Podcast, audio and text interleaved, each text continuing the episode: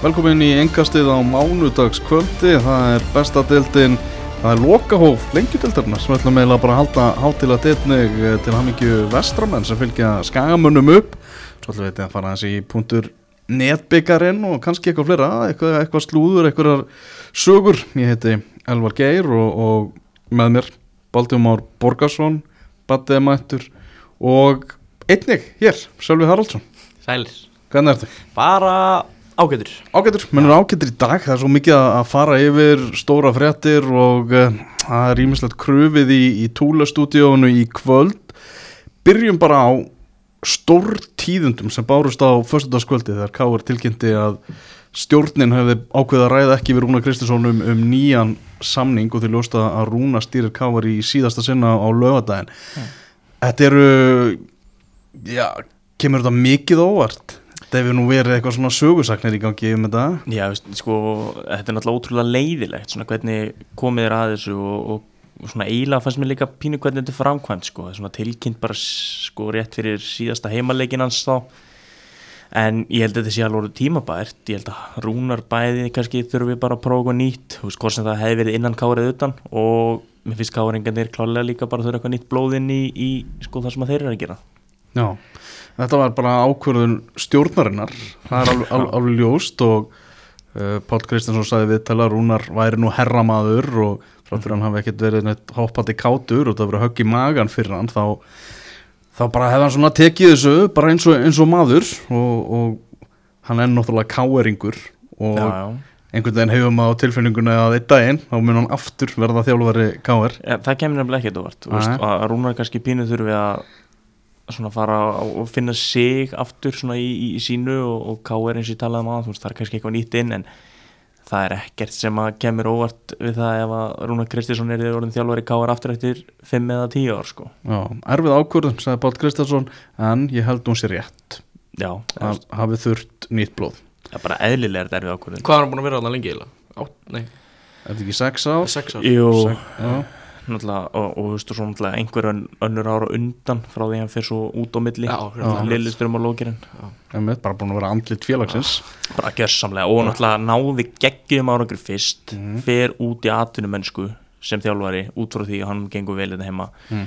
kemur svo aftur og náttúrulega veist, pakkar mótunum saman 2019 þú veist, þeir er engin ekkert náttúrulega mm, vonaði en síðan þá hefur þetta verið svolítið súrt. Já, og vonbreiðið tímabilið fyrra tímabilið ár líka sérstaklega leðuðu duttu bara út úr Evrópu barátinni en samt alveg þú veist ljósi punktar núna það er endur nýjun í liðinu þar að koma ungi strákar upp. Eitthvað sem að Rúnar hefur sjálfur talað um og saði í útastættinum hjá okkur að viðkendi að það hefur verið bara projekt sem átt að byrja fyrr. Já miklu fyrr. Já, og, og eins og, eins og sér hann viðkendina uh, en mér finnst samt eins og, og Kárlega verið að spila en undarfarið mér finnst þér að þú veist, þeir voru í brekku í byrjun tímanbils, mér finnst þetta ganga mjög illa hjá þá, mm. en síðan hefur komið bara kaplið sem að þeir eru bara fínir. Og þú veist, þeir náttúrulega unnu sér inn í Særópu bara dög frá því að vera sko í fallsæti held ég á einhverju tímanbúndi ef ég manna rétt. Og þú veist, svo bara allt í hennu eða allt í hennu, þú veist, svo bara vinnaði breyðarblik núna tvísvar á stöðum tíma uh, bara í hörkuleiku val þar sem að þeir eru á löngum kapla bara betri í leiknum líka með þess að leikunni frostaskjölum val sem alveg vinnu 4-0 þú veist þá fannst með K.R. alveg með góð tök á leiknum sko mikinn hluta leiksins en samt var að valur sér skoraði mörkin þannig að framistöðnar hafi ekkert verið hræðilegri á þessu K.R. liði núna undanfarið undir Rúnari Kristins en samt þá myndi ég segja þessi góð tíma á brókunít Já, þetta er búið að vera svona það er búið að pískra um þetta í stúkuna á K.R.vellinum það er, fólk hefur ekki viljað að segja þetta og við að Rúnar er góðsök og, og verður það áfram Svolítið er það rétt ákvörðin að kára, endur sem ekki við Rúnar? Já, er það ekki bara, ég meina, þú veist, eins og Battis aðan, það er kannski svona, uh, kannski svona smá seint, þurft að fara í þess að endur nýjum kannski aðeins fyrr, þannig að mhm. byrja tímbil ítla og ég held að hvað var leikur á móti Háka sem spilar á gróttu, þannig var ekki þá sem svona umræðan um starfið hans Rúnars einhvern veginn náði hámarki einhvern veginn, bara þú veist, hann ætti að vera reygin eða þú veist, hvort að Káur myndi bara láta hann fara eitthvað svoleiðis, en svona, já, öruglega bara rétt ákvörðun bara fyrir bæði K.R. og Rúnar mm, Við settum þessa spurningu í hendur lesenda uh, og skoðanakunn á fósiðu fókbalta.net þar sem uh, 1635 tóku, tóku þátt uh, 1034 eða 63% segja já 37% segja nei þannig að það er alveg svona yfir glæmandi meiri hluti sem tilur að þetta verið rétt ákvörðin hjá, hjá, hjá KR en þetta verður ekkert grín fyrir þann sem kemur hérna inn. Þetta er ekki að, að fylla í þessa skó rúnas sem er náttúrulega bara já, drottnað yfir þessu, þessu félagi.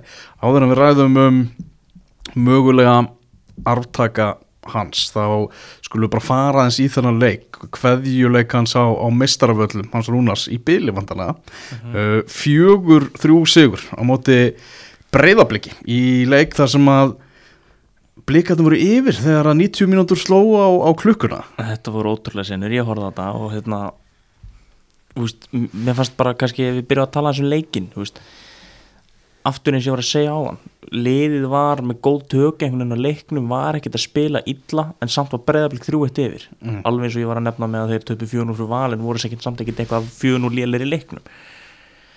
Uh, svo kemur náttúrulega bara að þessum kabla þarna og jú, þeir minga munin snemmi setna á leiknum Sigur Bjartur með, með fínt mark og svo bara breyða blika á bara sigli svo heim og, og kemur þetta mark. Mm. og, veist, þetta er svona einhvern veginn eh, hvað veist, má kallið þetta bara eiginlega skrýpa mark veist, kemur langubolti og fjær og kenni skallan einhvern veginn upp Já, og hann endar inni, hvað sem það kenni eða, eða, eða Benunni sem skora markið þú veist, hvort þá- heldur að, hvort heldur að hafa verið?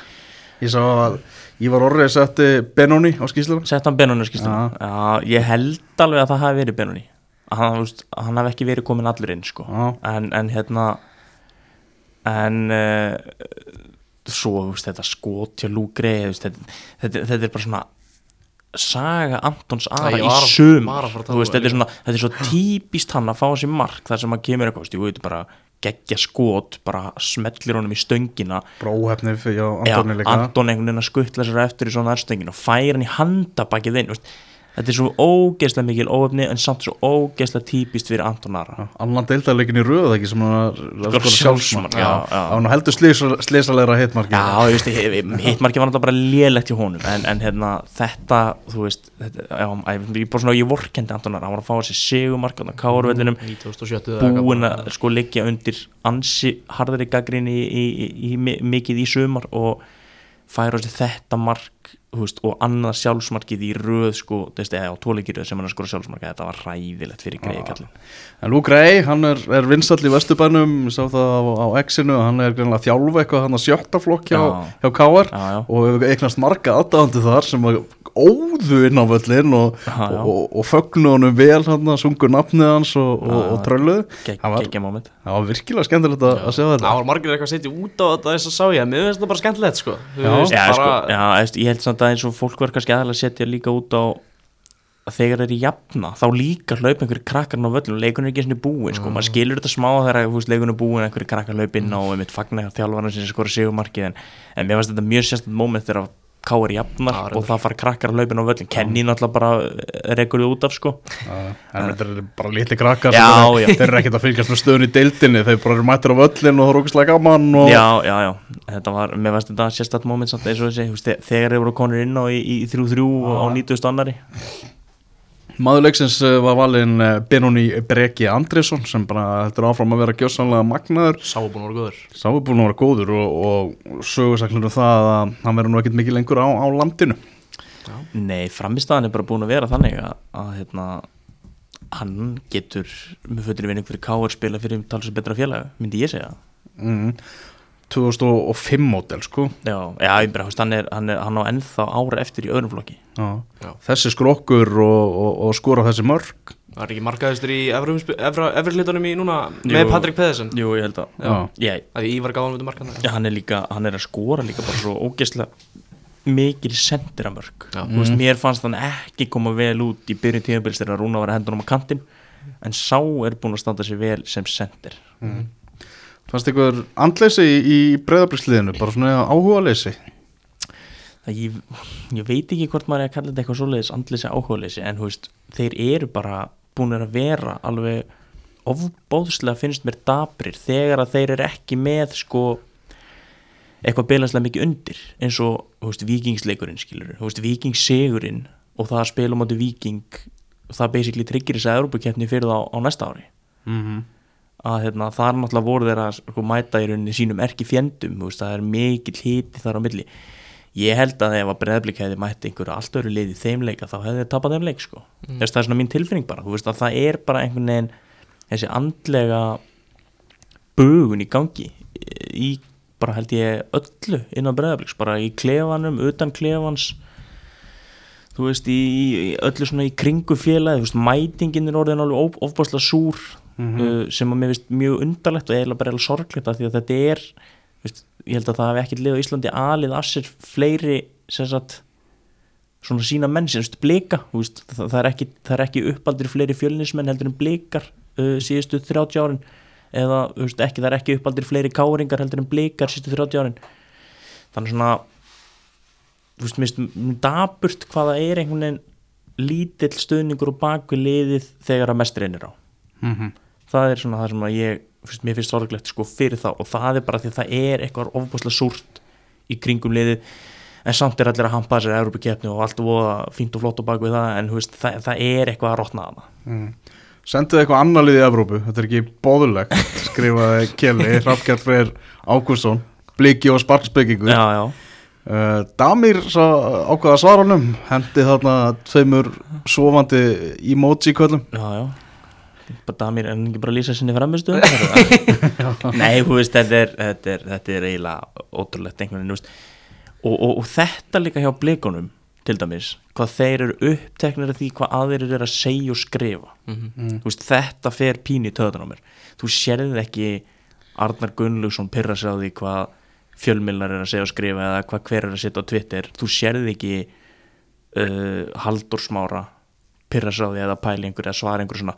Veist, þetta er bara haldu fókus á því sem þú ætti að gera og hætta pæli í einhverjum utan, orð, utan að komandi áhrifin sem þú getur ekki stjórna mm. en maður sér pyrringi á stundum svona breiðabliks á, á samfélagsmynda ég meina Freyr Snorra tók félagið mitt fyrir, bara basically sama ég var að tala með um það hvað stuðningurinn á baku félagið lítill, veist, hann tók meiri segja starfsfólk breiðabliks fyrir um dagi fyrir það hvað kom sendt út eitthvað varðandi Európa-kjæfnina með miðasölu einhvern varninga því eins og hann kom inn á, á dauða færi fyrir breðablík að gera eitthvað stort til þess að mynda stemming og skapa þú veist, skapa eitthvað sérstætt þú veist, selja eitthvað sérstaklega varning eitthvað Európa-varning, þú veist uh, fáiði fólki með ykkur, skiljið þú veist, myndiði einhvern kjarnar á bakvið þetta, en, en það er einhvern veginn bara, eins og ég var að tala um hann, við finnst eitthvað rótið þarna í kópavunum og það er allt eitthvað voðasúrt mm. mm -hmm.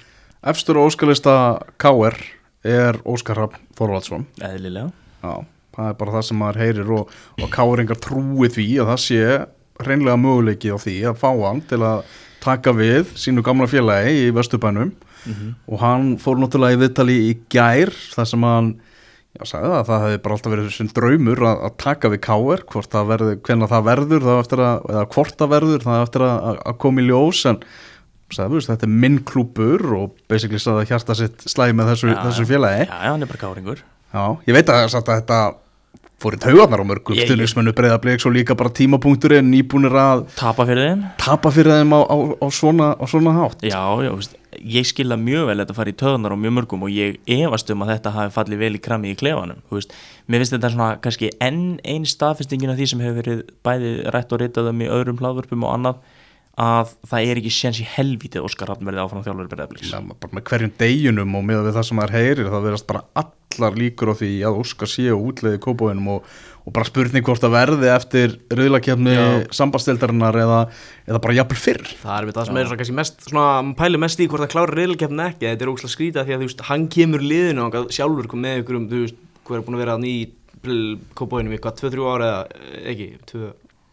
Nei, nefnir Óskar Rapp hann búið að vera hann í 4-5 ár. 4-5 ár, sorry, já. já. En já, þú veist, já, hann kemur þessi liðan inn, þú veist, eða mættur bara draumurinn hans að, þú veist, þjálfa í svona leikum og svo bara, þú veist ég veit ekki, fyrir hann í káer eða eitthvað bara til tvo leiki eða eitthvað.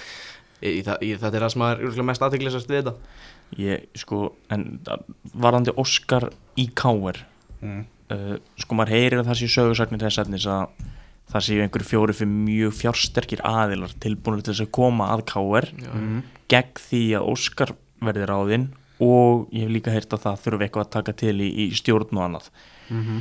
sko það er eina leiðin sem ég sé fyrir Óskar til þess að fara inn í káer af því að eins og káer er ekki í dag uh, þá sé ég ekki Óskar að geta tekið við káer á sínum fórsendum af því að hann hefur í breðablík rosa mikið fengið að vestla leikmenn uh, endur nýja og jújú, jú, hann missi leikmenn í sölur en, en þú veist Óskar hefur fengið að leggja mikið púður fjáraslega í liðin sín og svo náttúrulega til þess að spila sín fókbalta þá þarf annarkvort að gera sannlega skiptum undirlega í Vesturbænum og fara strax í það mm -hmm. eða þá að Maggi Böð þarf að fá öll, tæk, öll tæki og tól og, hiti græs og annað til þess að sinna vellinum til þess að Óskar sér sattu við hennar því að aðstæðan í K.R. og, og bara bæði hvað var, var þar vallar aðstæður og, og hérna, fjármál og annað veist, ég sé það í dag ekki henda Óskar Hrafni á nittnátt Það er líka bara svo að við sjáum ástand á völlinu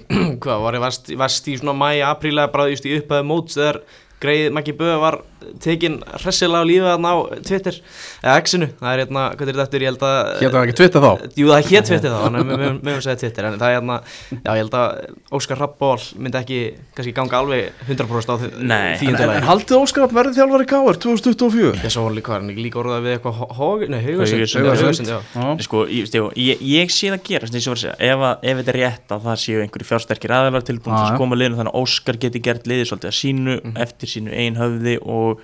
þú veist, verið stoltur af því sem hann hefur í höndunum með sinn klúb, mm. þá sé ég það gangu upp en ég bendi samt aftur á aðstöðumálin að það þarf þá að fara strax í þessar mm. íbúðablokkir og snúa vellinum og setja gerðgræs á hann eða þá að mangi böðu þarf að fá alvöru tæki og tól til þess að vinna með græsvöldi Það verður að hérna, kasta veist, umbósmennar að kasta bóltum fyrir Óskar Rapp Erlendis í Skandinavíu og það er kemur náttúrulega í desember þá kemur hlið í Danmörku vetrafrí mm -hmm. þar sem að mennur að velta ymsu fyrir sér og ég menna Freyr hlýtur að vera ansið góð auglýsing fyrir íslenska þjálfara í Danmörku ef eitthvað danst félag vil, vil fara aðra leið Klálega uh, Þannig að Freyr Óskar mörgur þetta er mjög ólíkir menn en það er hann að hann hlýtur að fara út Já, þú veist, ég, ég vona það líka bara hans vegna Já. að, veist, hann, mér finnst hann alveg verið búin að vinna fyrir því að veist, hann er búin að ná góðum áraugum með bregðarblik sama hvað aðri vilja að tellja einhverja titlaskilur mm. hann er mhm. búin að ná góðum áraugum með bregðarblik við, við getum mm. ekki tekið það á hann og mér finnst hann emitt, veist, hann, hann var kannski fyrstur til þess að fara að spila hann Pep Guardiola fókbólta á Íslandi og mér finnst þetta alveg skemmtilegt sem hann er að gera með blikana uh, Jújú, maður vissilega gaggrina á fyrir varnarleik sérstaklega í sumar og allt það en, en að öllu því sögðu skilur, þú veist, þá er þetta búið að vera skemmtilegt verkefni í mörg ár og hann er búin að vera að þróa sig og mér finnst hann alveg með að fá tækifæri úti og ég var til að sjá hann hjá atvinnumannaklub, skilur mm -hmm.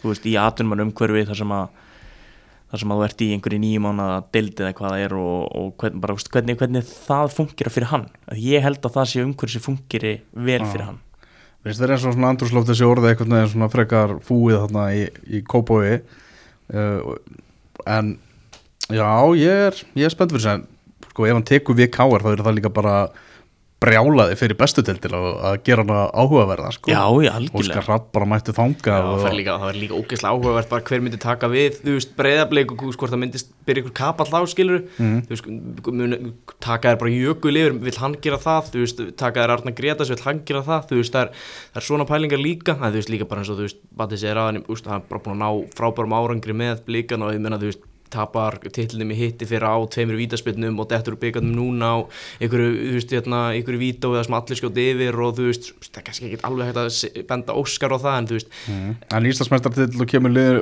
liðinu í, í Evrópu. Já, já, já, já, ég er séð, þú veist, þú getur ekki tekið árangurinn á honum sama hvað þú er tilbúin til þess að veifa einhverjum tillum í, í víkinni. Þú ert að tala um Jökul til breyðabliks, þegar ég veit að drauma kandidat margra en ég get bara ómögulega síðan yfirgefa Garðabæði núna þegar hann kom með öll líklavöld allt morandi í þessum efnilegu leikmönnum. ég...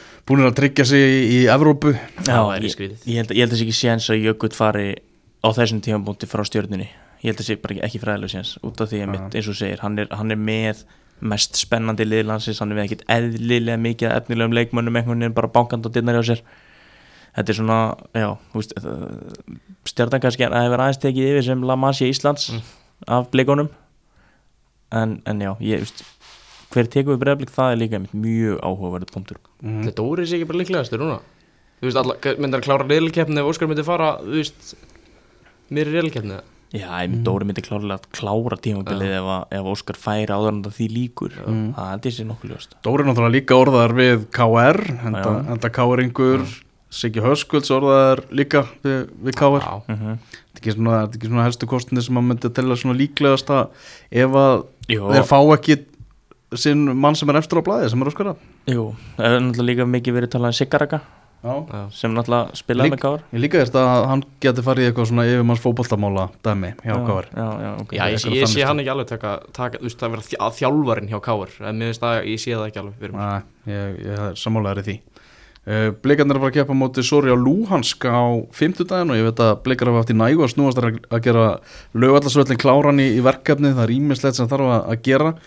Uh, Sori á Lúhansk er bara í, í, í ruklinu þarna í ukrainsku deildin er í næstnæðsta sæti. Já, ok Veisla, En þeir náða samt fínum úrslutum mútið Gent. Já, Eða Genk, hvort var það? gent. Gent. Alltaf Með ruglast T. Já, er það ekki? Já, ég Ég man ekki hvort að hvað. Já, þarna Já, þannig að, veist ef, ef að blikar alltaf ná, ná í eins og eitthvað eitt, eitt þrjú stig eða eitthvað í riðlunum Það var þetta döðafærið þetta er svona leikurinn sem að Já, já, já. leikurinn sem að kannski má horfa til.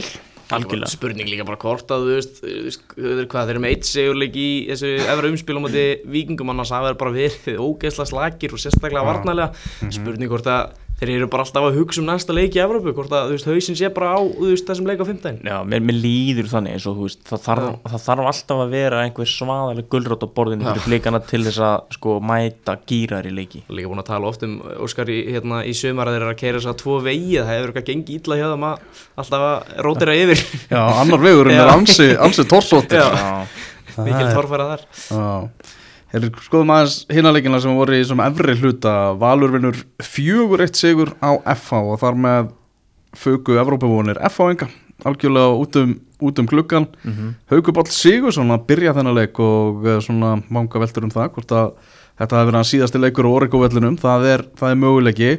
Fór sér meittur út af Davíð Snær heldur áfram að vera bestileikmaður FH á tíðanbylunu já.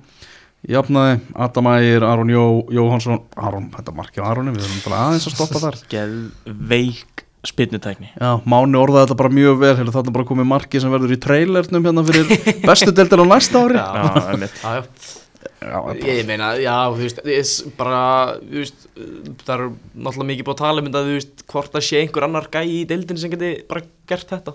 Fáir Já, ég meina, þú veist Láttu Æ, ég veit ekki hvernig ég á að taka þessum dæmi Ég veit ekki Ekki- að móka einhvern Nei, Nei. sle- sleppu því bara Já, en þú veist, en ég veit, bara láttu einhvern annan Já, fá hundrað svona bolta eins og Adam chippa hann út á tegin Já. og, Mm. og þú veist, með engan í markin og plaffónum eins og Aron Jó gerði það leikmenn myndu kannski náði einu svona hundra skiptum Patrik Pedersen átti þess að hann loka orðið og valsmenn það eru að að bara fungara vel í þessari útsláttar, nei hann að tvískiptingu segi Já, ég held að sé svona bara líka svolítið léttar andurslótt í val einhvern veginn, þú veist, bara Já, mér síndist það Já, þeir eru bara að klára tímabilið, þú veist hafa gaman að þessu, ég held að sé bara að njóta sín veist, og eins og núna í þessum leik, Já. þú veist, Lukas Lógi far sénsinn, skiluru þú veist, ekki búin að spila nógu mikið að mínum að til sumar Mm.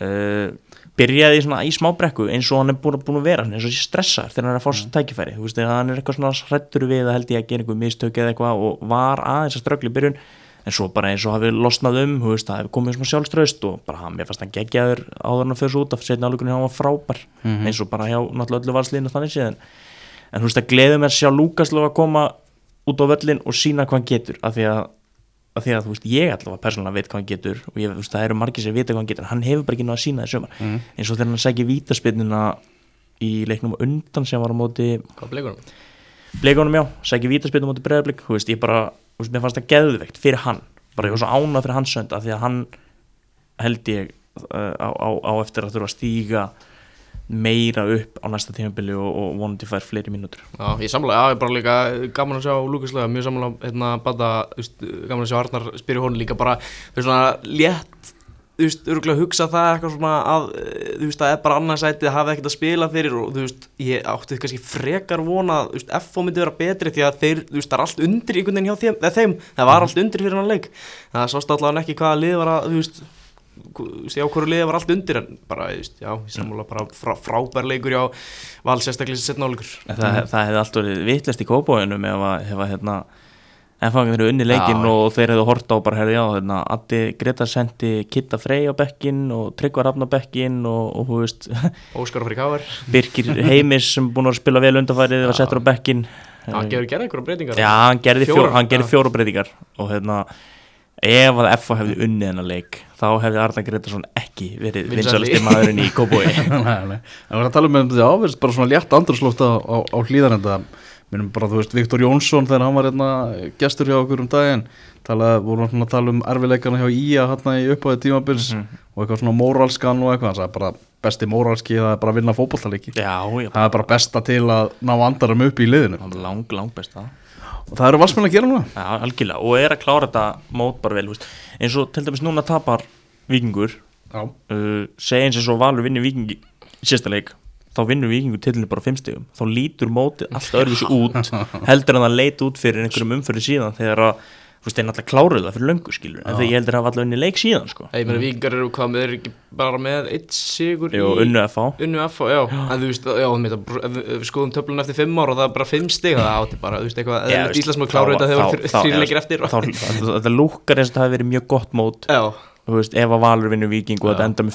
það En svo segir, vikingar tapa- töpuðu í kvöld fyrir stjórnunni 3-1 í, í Garðabænu þar sem Egert Aron skoraði tvö mörg bara heldur áfram þessi magnaði drengur. Hilmar Átni, hann skoraði einnig mjög skemmtilegt mark. Uh, Helgi Guðjónsson sem yngar muni fyrir viking þetta var stórskemmtilegur en um leið alveg ótrúlega furðulugur leikur því að Já, færa klúðurinn hjá vikingum og, ótrúlegt. Og ótrúlega sko. Það sá líka, sá líka hvað hálfleiks töl, hérna tölfræða var hvað 14-3 í skotum fyrir vikingum og þeir voru 2-0 undir. Bara, ha, Já, þetta var, var 14-3 Þetta Þegar svona, svona leikir kom ekki í júli eða júni, þau kom eitthvað um svona í, í lokmótsi Já, sko. já, mitt, eða, þetta, þetta var ótrúlegt. Og einmitt, þú veist, mörkin, eða markið Hilmar alltaf, þú veist, stór glæsilegt en, en hérna bara svona einhvern veginn að ég veit ekki, stjarnan bara komni 2-0 snemm yfir og, og jú, við vorum að spila fínt en svo bara vikingarnir síndali hvað þeir eru ógeðslega góðir. Við vorum með stjörnuna bara uppi kalan hann að lunga leiknum en, en það er stjarnan sem endur að vinna 3-1 og ekkert þar á með tvö mörg bara búin að vera held ég bara besti maður mótsins undafarið og ógeðslega góður Alveg bara stórkostlegur. Maður fattar ekki bara, þú veist, það er maður alltaf núna eitthvað að pæla, þú veist, af hverju er, hvernig hann er, ekki- er hann ekki að fara út, bara þú veist, Hann er að fara út. Hann er að fara hann út, er að fara út, já. já, en þú veist, að því hvað gaf hann ekki út þannig fyrir stuttu að hann væri ekki að fara út? Já, hann ætla bara ákvað að klára tímabili Já, hann svo sagði að hann var ekkert að klára tímabilið, sorry, já, ég miskildi það. Það ég held að hann fer pottið í þessum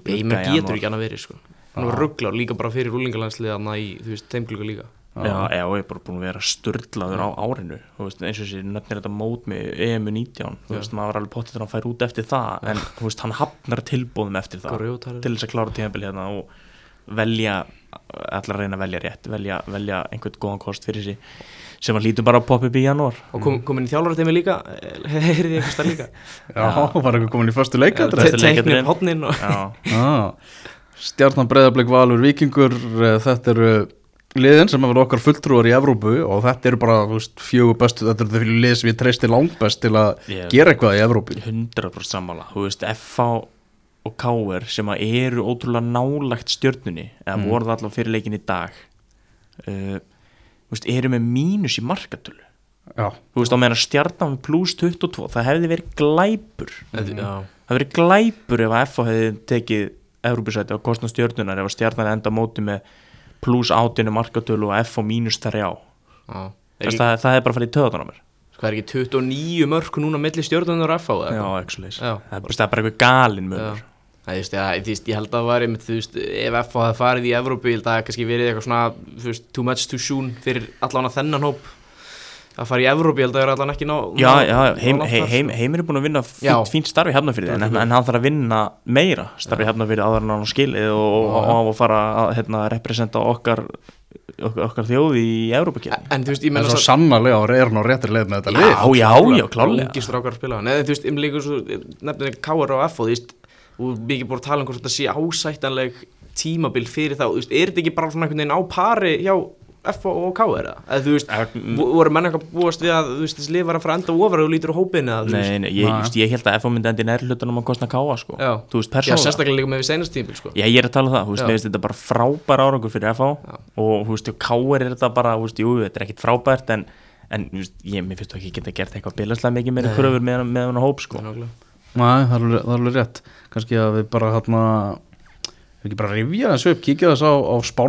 að tímabilið bara svona nákvæmlega hvernig það var, spá fótbolta.net það var blikandar í eftir sæti, Valur í öðru vikingar í, í þriðja sæti Mhm. Káa í fjórða svo sannlega vonbreiða tímabil hjá þeim Algjörlega Eh, KR er spáð fymta sæti, stjarnan sjötta, FH sjöunda að Nei, þetta, er bara, þetta rýmar bara við það sem að við erum að tala um. Þannig er F, nei, K.R. inn í sjönda F á fyrir aðeins ofar K.R. er á, held í hárréttum stað eða kannski einu neðar stjarnan stígur aðeins upp og, og blikar og vikingar svitsa, skilur Mhm. veist, þetta, er, þetta er bara á þetta er á góður ekki Mhm. Já, ég meina, líka bara svo vikingar að sá engin eitthvað, þú veist, þetta fyrir tímbilu vikingum þess að bara gera þér vel, bara klóki sæna, þú veist, sæna Gunnar Vatnamar, taka Aron Elís og miður tímabili, þú veist, þeir eru bara eitthvað ógeðslega klókir, við veitum bara nákvæmlega hvað þeir eru að gera og bara einhvern veginn pakka þessari deild, deild samar með kannski, þú veist, jú, við getum talað um meðslu okkar breðableik en þú veist, bara slök, slök titilvörd Svo, svona margur búið kom inn á það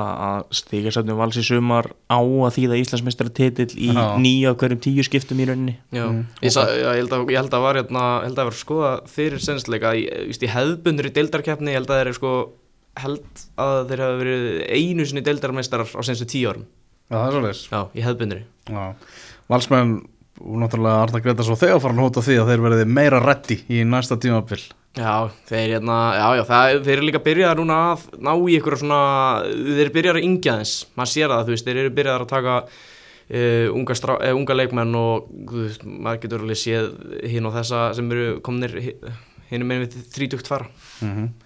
Í neðri hlutanum þá vann fram, IBVF vann og fylgir vann, þetta gerist allt í sömu umferðinni. Fyrsta skipti í sumar eða ekki? Pottið, alveg pottið uh, Byrjum bara á Byrjum í, í Keflæk Keflæk fylgir, 1-3 þar sem að Keflækingar komast yfir en svo bara einhvern veginn, virtist þeir ekki nenna setni háluleiknum í þessu leik og fylgismenn kláruðu þetta, keirðu yfir þetta. Ásker Eithosson, Orri Sveitn og, og Benedikt Darius. Það er alltaf að treysta á mörg frá varnamönnum fylgis, Já. þeir skil alltaf sínum mörgum, Orri og, og Ásker Já, já, Áskir náttúrulega valla búin að vera með í sumar en, en skora hann ekki eitthvað í byrjun líka? Jú, Já, þú veist hann er komin nokkur. Ég held að fylgir væri ekki í þessu ströggli ef Áskir hefur verið með allt tímabilið. Nei, náttúrulega eitt af momentum leiksins er innkoma Sindra Þór Guðmundssonar hjá Keflaðeg uh, leikur að botnið var búin að vera í leik í 21 sekundu eftir að hann kom inn á þegar hann fær svo réttilega rauðaspjaldið frá Þótt Þótt Þótt Þóruði Þóstinni Þóruðarsinni sem var að dæma þarna sinn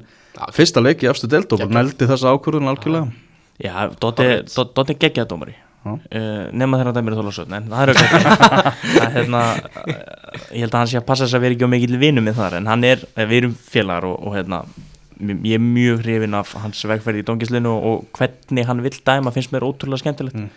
hann er svona, mér finnst að líku Petri Guðmunds tve, tveir lögreglu þjónar það, hérna, Sko, Þóruður er, er 28 ára gammal núna og sko og við erum ekki búin að fá, eiga dómara sem er að dæma á alvöru leveli bara síðan að Kitty Jag var að gera það er að síðan var að fá alvöru Evrópuleiki og stóra landsleiki og allt þannig. Bara káðu síðan núna, setja bara öll ekkin í körfuna hjá, hjá þótt þótt þótt bara gera hann sem fyrsta Evrópudómara og bara fara að segja, þú veist, setja þrýsting á UEFA. Bara þetta er maðurinn sem að þið eigið að, að fara að veðja á sko. já, just, hann er náttúrulega líka að því að hann er með hann leikmann og hann, hann, og hann er þú veist, hann er fitt skilur, hann er, hann, er lítur sem út eins og leikmaður sko, þú sér náttúrulega bestu dómarar í heimi úti, þeir eru líka fitt og, og drullu öflugir sko. Að hérna ég er samanlega að væri geggjað ef að Kási geti einhvern veginn sínt honum þann stuðning að hann kæmist hratt upp í veist, svona þennan metrólastiga en hann þarf náttúrulega auðvitað samt líka að sko standa undir því. Já, já, hann þarf að gera það. Veist, hann, hann þarf að fá fleiri leiki núna, veist, mér finnst hann eiga að fá leiki næstum fyrir bestættinni líka skilur, ekki, Já. ekki gefa hann bara þennan eina gefa hann annan og setja hann svo bara strax og full inn í þetta þú veist, í lengjubíkarnum á næsta tímabili. og sem bara frá fyrstu umferð já, ég er að segja það, hafið hann bara inni og, og búið til alvöru dómara. Alveg samanlega Já, ég líka. Uh, fylgismenn fögnuðu þessu vel og innlega þessi leiku var fór aðeins fyrr framheldur en hinnir, þeir voru kannski ekki að búast til því að bæði fram og IBF mötu sem að vinna setna um daginn. Já, uh, Já, eitthvað meira svona við þennan leiki keflaði eitthvað að segja, þannig að En ég bara, eis, maður bara kepla bara svona, maður sá það bara einhvern veginn á halv eftir leik þeir, þeir eru bara býðið eftir að tífambili einhvern veginn klárast þannig að geta að fara einhvern veginn að bara að tekið sér smá frí og undir, fyrir að undirbúa næst tímbil þetta er bara, já, veist ég, mér finnst ég sko ætla, hérna, mér finnst ég verið að upplifa svipa núna með keflaðeg eins og ég upplýði ægi eftir hún formulega fallinir það er bara eins og Já. allir sé að býða eftir þessi búið sko. Já, komnar í frí í bara, hausnum já, hausin er bara löngu farin þú veist, Já. það er hérna hann er líka bara búin að tala um það sjálfur halv einhvern veginn bara, Já, þú veist, og, þa- og það er svo ógislega vond að vera á þessum stað, þú veist, ég upplýði þetta fyrir nokkrum viku síðan, sko, þetta er bara veist, þetta er svo andlega dreinandi líka einmitt að reyna og Mm. vona og trúa að maður geti mætt til leiks bara og, þú veist, gert almennilega Mhm. en svo fær maður bara eitthvað drastl í andlitið, sko Mhm. þú veist, það ræðilega upplifun sem þjálfari, ég get, ég, ég, ég get tala, tala á þannig að, hérna, þú veist, að Tek, Tekur á sálina Já, og bara, þú veist, og maður verður fyrir svo miklu vombriðum, þú veist, maður upplifir bara, veist, maður getur einhvern veginn ekkert verið brjálar til leikmennina, skilur, þú veist, við, þetta veginn, þetta er bara eitthvað svona andlegt sem að er erfitt að stíga yfir, skilur þannig að já, ég, ég, ég tengi við hvað Hall er að díla við, en, en þú veist, en það, það þú, bara ég, honum til betrunar á bara eitthvað eftir. Verður hann ekki alltaf, verður hann ekki alltaf með kef, kefa næst tímbil líka Jú, að tala um að hann og Bói verður bara Já, með liðið lengi til Já. Það er bara mjög, mjög flott ef að það verður raunin fyrir já, keflaðik já, ég er hefinn að þeirri pælingu. Það er í góðum höndum þar. Taka tvo grótara heima minn. Háká tapaði fyrir IBVF 0-1 Eður Aron Sigurbjörnsson hann á bara allan þátti því að IBVF er ennþá lífi fyrir lokaðum fyrir Gjörsamlega skoraði úr uh, vítaspilnu á 30. mínútu. Og bjarga á línu og 90 Já. Já, bjargaði á línu og fann bara með reynslu sinni og leiklæstri sem hann kom sér á línuna og, og bjargaði. Já, hann er náttúrulega, þú veist, þegar Eidur Aron er 100% on, þá er hann top 3 besti hafsendin í delinni þú veist, ég held að þá, þá held ég að við séum bara að tala um hann, Hólmar og Oliver Ekroð Já, þú veist, ég bara ángrín, sko, það er hérna þannig að veist, en hann hefur bara alls ekki verið þar í allt sömar fyrir IBVF. Nei, ef að þe- þessi Eður Aron hefði verið til taxi allt sumar Já. það voru eiginmenn í miklu betri mann Nei, sko ég, sko ég, nú er nú bara opinbera ég mína vittlisu að sko ég bara var að hóta því að spá IBF bara inn í top 6 sko, óta því að þeir voru geðveikir á prísi Já, Já, já. Gleimum því ekki Nei, þú veist, ég horfði á þá spila þarna í góðbúum og til blikum í lengjubikarnum sem þeir unnu. Alveg. það náttúrulega var, veist, þar var þessi Filip Valensins sturlaður, sko, hann var lang vallarins, það bara, ég hef aldrei séð svona góðan útlending bara mæta í IBF-lið bara og bossa leikinn og hérna, ég var bara, heyrðu, þetta verður alvöru lið, en svo náttúrulega bara ságauður, hann, hann fer á bekkina því hann er ekki með nú mikið vinnuframlega og svona hann heim bara var ekki að fungera og þú veist, þeir taka alls konar jólasvinnat inn í staðinn og þú veist, meðist eður fyrir eitthvað algjört drögg skilur þú veist þar plastrar hægri vinstri þarna í eigum og allt í steg og þú veist núna eru þeir líklegastir til að falla hmm. Sko, við vorum að tala um spána á hann IBF var að spáða 8. sæti svona sigla Liglan sjó, fram að spá 9. keflaðik 10. að þeir myndu að halda sæti sínu Já, þeir verðu lang næstir fylgir 11. sæti og háká því 12. þannig var spá fútboltabúinarinn fyrir, fyrir mótið Já, mín spá var keflaðik 12. fram 11. Já, það gæti ræst gæti gerst Gæti, en við þetta ólíklegt á þessa framfærinni það þarf að helviti mikið gerast Já, já, en eigamenn halda sér á lífi förum að þessi þá bara eftir svona hvað er að fara að gerast í lokaumferðinni mm Mhm. -hmm. Hákáingar þetta bara heldur áfram í bara, bara þetta spila aftur einhvern veginn umræðinu um Háká sem hefur verið síðustu svo vikur. lélegir núna bara þú veist, undir lok mót svo eist jú, var, var, var svo vítaspilna bara þeir eru, geta ekki kift sér sig Nei, en, en, en eins og í þessu leik þá voru þeir samt actually bara freka góðir Já, sko. veist, þeir, þeir áttu alls ekki skilið að tapa fyrir IBVF gera það samt. En gera það samt og, þú veist, en, en þeir fá samt eins og þessi talar um þú veist, þeir eru búin að fá á sig ég, ég er farin að vorkina Ómar Inga sko. það er hérna þessi, þessi, ví- þessi þessi víti- vítaspinnur já, sem eru að fá sig þú veist, trekk í trekk inn í kórnum hann á móti fram skilur eitthvað djókvíti og, og hérna svo hvort það sé þeim leik eða einhverjum öðrum þar sem að það er brot fyrir utan teig og það er fært inn í tegin þú veist, fá sig mark og því það er röglega framleikurinn. Já, framleikur, já, það er og hérna þú veist þetta þú veist, það er bara svona, mér finnst svo ógeðslega mikið af einhverjum astnalegum vafaturum í gangi og fram og me- nei, háka fyrir ekki og mér finnst sko að það sem er að finnast eða finnast eða verst í þessu er að Vilhelm Alvar er held ég í þeim öllum sko. Já, það er allan þrjú vítaspinna atviki inn í kornum sem Já. hann er bara búin hjá sér sem Villi Alvar er, er maðurinn á baku tjöldin sko. það, er hérna. Þessi vítaspinna sem að vilja alvar dæmdi sem réði úrslitum í þessum leiki í gær Mhm. uh, Arna Freyr og, og í barátunum við, við Tómas Bent um boltaðan Já, ég veit að, ég er búin að horfa á hvað, ég, ég sá þetta úr líka einhverju spídíu myndavel, þannig að mér finnst þetta bara, með allan úr því sem ég er búin að sjá fór, fór hann fyrst í boltan en sko, ég, sko, sko, ég er ekki búin að sjá þessa en ég Nei. er bara búin að sjá umræðana sko. en Mm. ég er búin að sjá hérna, það sem er brotið utan teiks og vilji já, færið inn og svona, það er bara, veist, Já, Kári Snorrason og eitthvað maður á, vellunum gaf Viljón Mánuleg þrjá einhvern og, og stimplaði þetta sem bara reynilega ranga ákvörðin já, ég, og Það og, og þetta er búið að vera helviti dýrt fyrir háka á undanfarið. Þegar að þeir þurfa kannski einmitt alls ekki á einhverju svona byll að halda einhverjum, einhverjum stórum dómum beint í andlitið sem eru rángir mm Ég fekk að send, uh, senda smá samantækt um árangur háka og heimavöllu og útivöllum frá 2017 til 2023 og það er á, áhugavert, þetta er sjö tímabil og heimavöllurinn hefur aðeins skila betri árangri tvisvarsinnum en útivöllurinn. Það er 2020 og 2018 ef mælt er út frá stöðu í deild. Já, það er svona einhvern veginn fast í umræðinni að, að kóren sé víi hákáinga. Þetta er ekkert víi fyrir þá? Nei. Veist, veistu, náttúrulega, kórin er bara svo ógeðslega mikil umræða af því að þetta er náttúrulega langt leiðilegast í heimavöllurinn á Íslandi sko. Já, þú veist, með fyrir við nú voru Baldur bara svo vinnum með brjálarátum en veist, það er bara satt. Já. þú veist, það, það drep leiðist öllum að labba hann inn í júli í góðu veri. Mm þú veist, einu skitt sem þú fagnar er bara á, fínt að spila kórn það er þegar það er ógeðslegt veður úti í apríl eða, eða oktober, sko. Þú veist, það er svona, það eru einu mómentin eiginlega. Og þú veist, já, svo, svo svona einhvern veginn lætin sem myndast veist, nú er ég ekki að, að reyna að gera lítið úr því að draga úr þessu en veist, þeir eru bara einhverjir 6 og 7 ára krakkar með trommur að undir þetta. bomba eitthvað Já. inn í þessu húsi veist, ég held ég hef aldrei labbað út á þess að vera með hausverk sko. Já. bara því miður, veist, þetta er svona veist, þetta er geggja þegar það er alvöru stemming og það er einhver taktur og tótn í gangi sem að make a sense og fungera sko. en þegar það eru bara trommum og einhverjum blásturslóðförum hendi einhver, Óþólandi einhver Já. börn og það er allt og mörg félög farin að gera þetta Já, Já. ég, ég, samanlega, ég, ég er búin að fara eiginlega fyrir marga hákuleiki núna, býða hann bara hliðan og þú veist, það er, það er alltaf bara einhver, einhver áttatrommur og ógeðslega mikið af bara einhverjum öskrum og svo bara einhver, bara ekkert í takt eins og er að segja nei, og inn í þessu húsi líka, þú veist, að bergmálast og svo ógeðslega illa einhvern veginn og þú veist, þú- já, Að ég þe- að þess vegna finnst mér þetta leiðilegast í Já. heimavöllinu á Íslandi er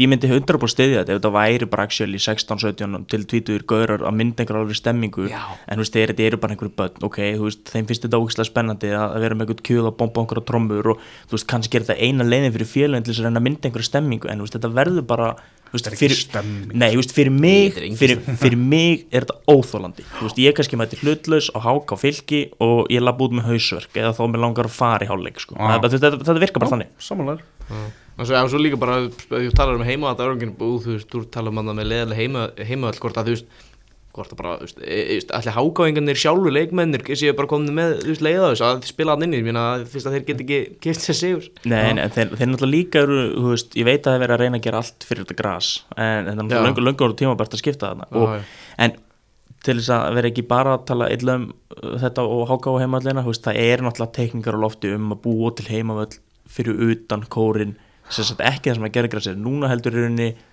Já, fyrir aftan. Já, veist. Já, fyrir það sem að grasið er, það sem að grasvöllur það er fyrir aftan, við, já, í rauninni við hliðin á kórnum sjálfum Mm. á að gera heimavöll utan dýra já, en það þarf að draga þessar teknikar úr skúfunni og fara bara að gera eitthvað. Já, það er að fara að taka skólustungu Já, skoplustungu takk. Uh, Hákáingar, eh, það er bara drullu lélegt hjá Háká að vera í fallhættu fyrir lokaöfrin Ég, þeir, þeir, voru, þeir voru svo nála því að slæta sér upp í efri hlutan sko.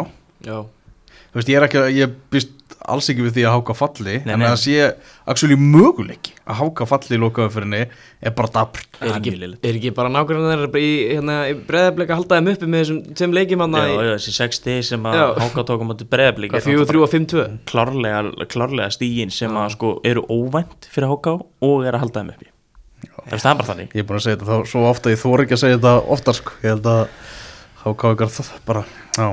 Förum í næsta leik bara Þarna framvinnur Káa 1-0 Já. Þengill Orrason með eina markið á Ah, 50.50 talandi mínútu. um að halda einhverjum uppi, hann er bara að halda þeim uppi sko. Þeir eru rækki sig sko, við erum búin að tala svolítið í síðustu þáttum um þess að ne neðri hluta, neðri helming svolítið mikið niður að þetta sé bara hundleðilegt og, og leikirnir oft bara leðilegir og lélegir. Já, bara og að fara sömu liðin bara að tapa alltaf, skilur Já, en það jákvæðast að er einhvern veginn ungustrákarnir hjá fram það er svona skemmtilegast Já, veist, þe- þetta er geggjað, skilur veist að það vissi enginn í ágúst hver Þengill Lórasson var sem fjallaði um íslenska ekki bara, ég get alveg fakta það. Mm. hann er búin að mæta hann inn út af því að Brynjar gauti meiðist og hvort þessi einhverju fleiri að meittir líka Já, þetta er bara, bara, strákur sem fær tækifæri af því að það er ekki til neitt annar skilur, glukkinni Mhm. lokar, það er ekki hægt að bregðast við. Þannig þeir bara, ok, við verðum bara að spila svo guður og hann er aldeilis búin að grípa gæsina uh, hann er rauninni búin að tryggja fram fjögur stig í síðust tveimleikjum Já, alvöru baróttu hundur þessi gæði sko- töff markmann Já, sko, ég, ég þjálfaði hann að Já, er það? Já, hann kemur, hann sko bjó í Svíþjóðið maður rétt, Mhm. kemur í fjölni í fintolöki, flytur heim. Ah. þannig að ég þjálfaði hann í einhverja nokkra mánuði sko. vera. Ótrúlega þetta er, er, er, er, er flottu guður. Ég, ég, ég er mjög gáni, ég er náttúrulega ekki, ekki hitt hann samt í mörg ár, sko, ekki tala við hann mikið eða þannig, en, en þú veist, svo bara poppar þessi guður upp í fram allt í henni sem einhver svaðaleg hetja og er að bjarga, ragga sig. Það er svona, mér finnst það líka svo beautiful story, sko, Ha- hann er alltaf fann að spila fyrir eitthvað legend í sínum augum og það er einhvern veginn bara að bjarga sætinu fyrir hann og þá. Já, og við erum búin að tala um það að vantar uh, unga varnamenn að ko- að koma upp. Þannig er einn Já, sem er í höndunum og rækka sig mörg í þremur leikjum. Það vonandi. Og hann er líka bara að gera að spila þú veist, ég held að hvað 2008 mótilega komið hann inn og líka. Og þú veist, hann er að setja bara, þú veist, unga leik bara start, byrja mön- mönnum hann bara. Já, ég held að þetta er byrjað á móti háka þar sem að, Já. þar sem að Þengið var í vörninni og Sigfús 2004 stráku var hægri bakverði og hvað heitir hann, Breki, Breki Baldursson, Já, Breki Baldursson. hann var á miðjunni minni 2006 Jú, hann var- mótil. já, alveg Já, rétt. þú veist það er 2006 strákur Þú veist, þessi góður held ég bara búin að starta svo síðan bara þess að þrjá leiki Já, svo er hann ekkert hrættur, hann er- hann er ekkert líka hrættur að taka bara mennum svo frettið að tíaku út af bara þú veist, ef hann þarf þess hann setur Viktor Bjarka Daðarsson 2008 mótel Já. inn á, á 60. mínútu Já, já. hann er ekki að gefa hann um einhverja röst mínútur segja að hann er búin að spila í Nei. eitt mikilvægst leikur tímabils og hálf tíma eftir spriklaði bara. Ein, ein, eitt mark eitt mark þetta er alveg er Raggi sem þjálfari er ekki er bara svona eins og Raggi sem leikmaður það verðist ekki renni honum blóð það bara, heyrðu,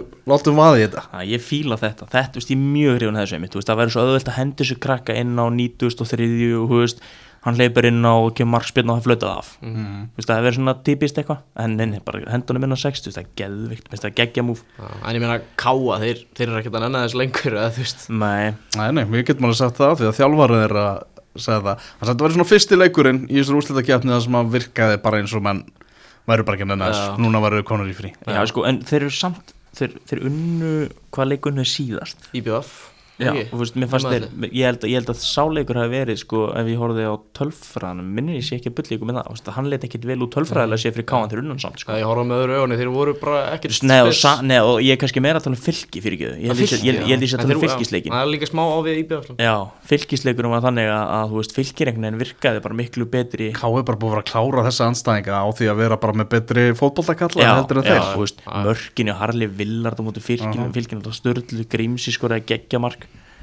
þannig að þú veist svona káaði mitt þú veist, klárar leikina á einhverjum einstaklingsgæðum undanfarið en, en þú veist, mér finnst framistöðnar hjá þeim ekki það að vera neitt frábæra sko. Uh, Staðan í fallbaráttinu fyrir lokaumferðina er þannig að fram á HK eru með 27 stig fylgir með 26 stig í fallsæti með 24 stig er IBVF þannig að já, lang, ja, það er líklegast að IBVF fari niður næst líklegast að fylgir fari niður það er ekki flókið, fylgir er að fara að metta fram innbyrðis mm og IBVF er að fara að taka móti Keflavík á meðan HK heimsækir Káa hvað er það að sjá í þessu? hvaða lið fyrir niður á lögadaginn?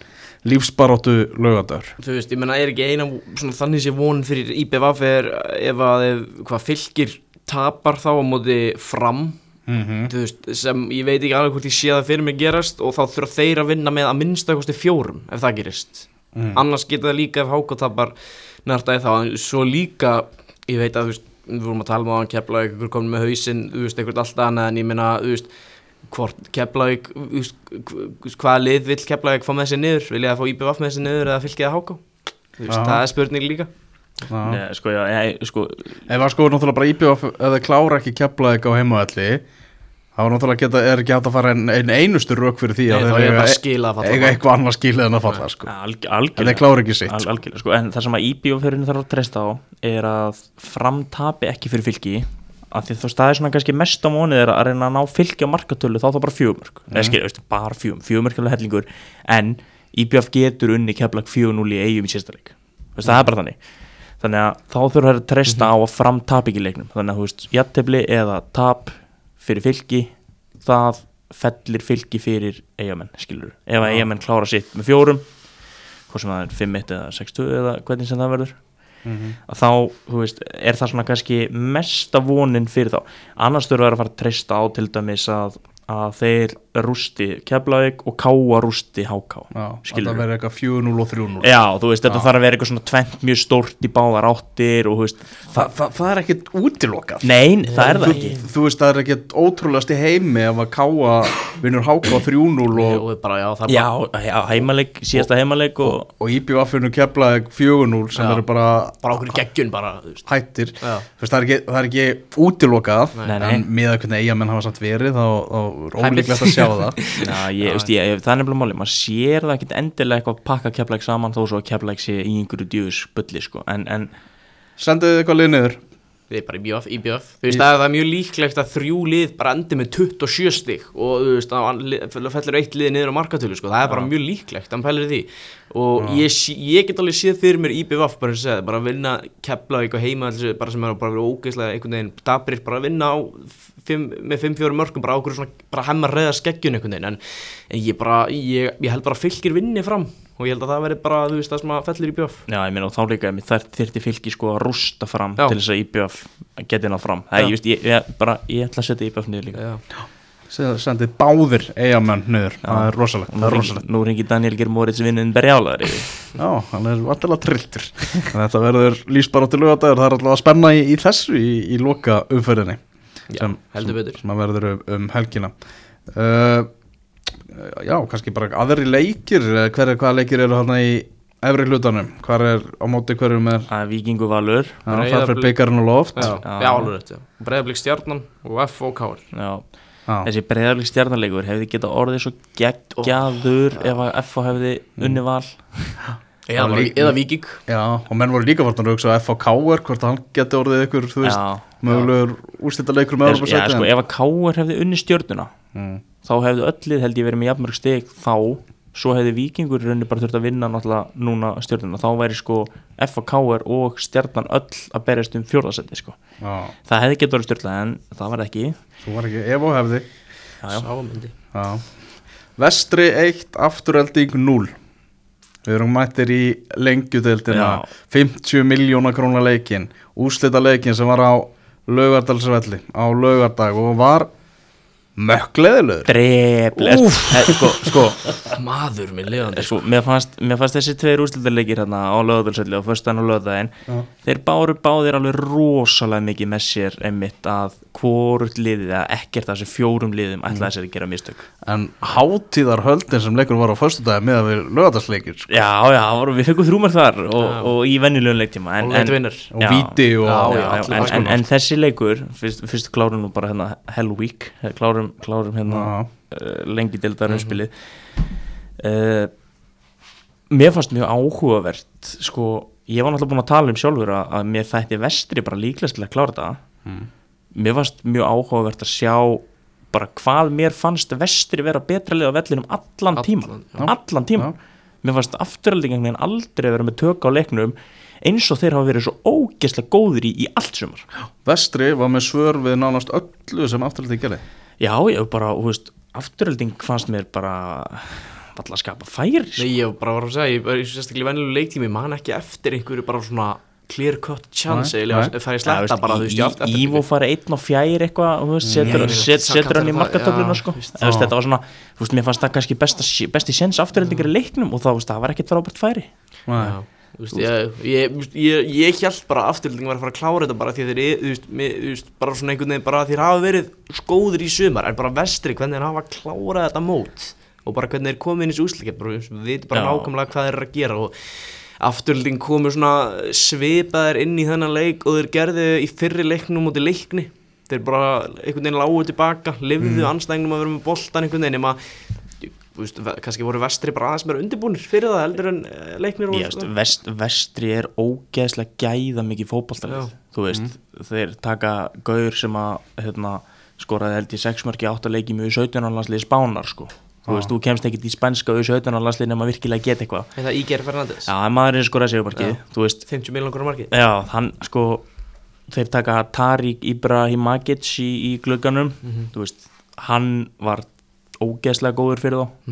Þú veist, styrkingarna sem vestri sækir eftir sko, hann alltaf vestri byrjar mótið ekki trápalega og En sa- voru svolítið alltaf inn í leikjum og þannig séð, sko. já, já, þeir byrjuðu mótið samt ekki vel. Þeir voru held ég með tvö steg eftir fjóra leiki það og, og svona, þú Já. veist, það var eitthvað að ganga illa til að byrja með sem að Gummi endurbyrti viðtalið við, við Já. Davís Mára í Afturlendingu. já, það sem hann er með tegur sitt liðalífi. Menn Sko- þurfa að fara að vakna Já, nei, nei, en, en sko líka þú veist, eftir held ég þetta en ég held að Gummi að koma inn að þeir töpuð tveimilegjum eftir að Davíð tekur liðið þarna lífi í einhverju vittali þú veist, og einn af þessum tveim leikjum það er þegar við ægismenn fyrir vestur og vinnu þá.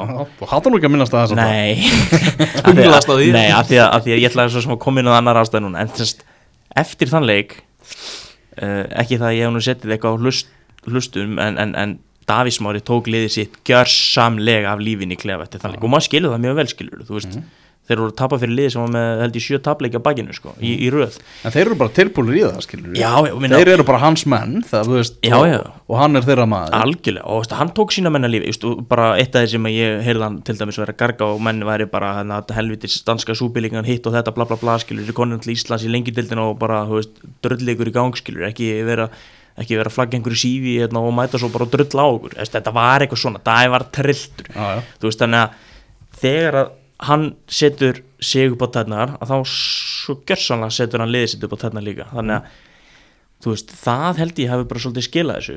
Eins, og ég kom inn á hann, styrkingarnir í glugganum voru frábæra hjá þeim. Og ég, þú veist, var með þessa tilfinningu bara eins og ég talaði minn sérn en þegar við vorum að byrja, að byrja að tala um þetta helvík dæmi að mér fannst það líklega að klára það og, og þeir eru bara búin að klára það.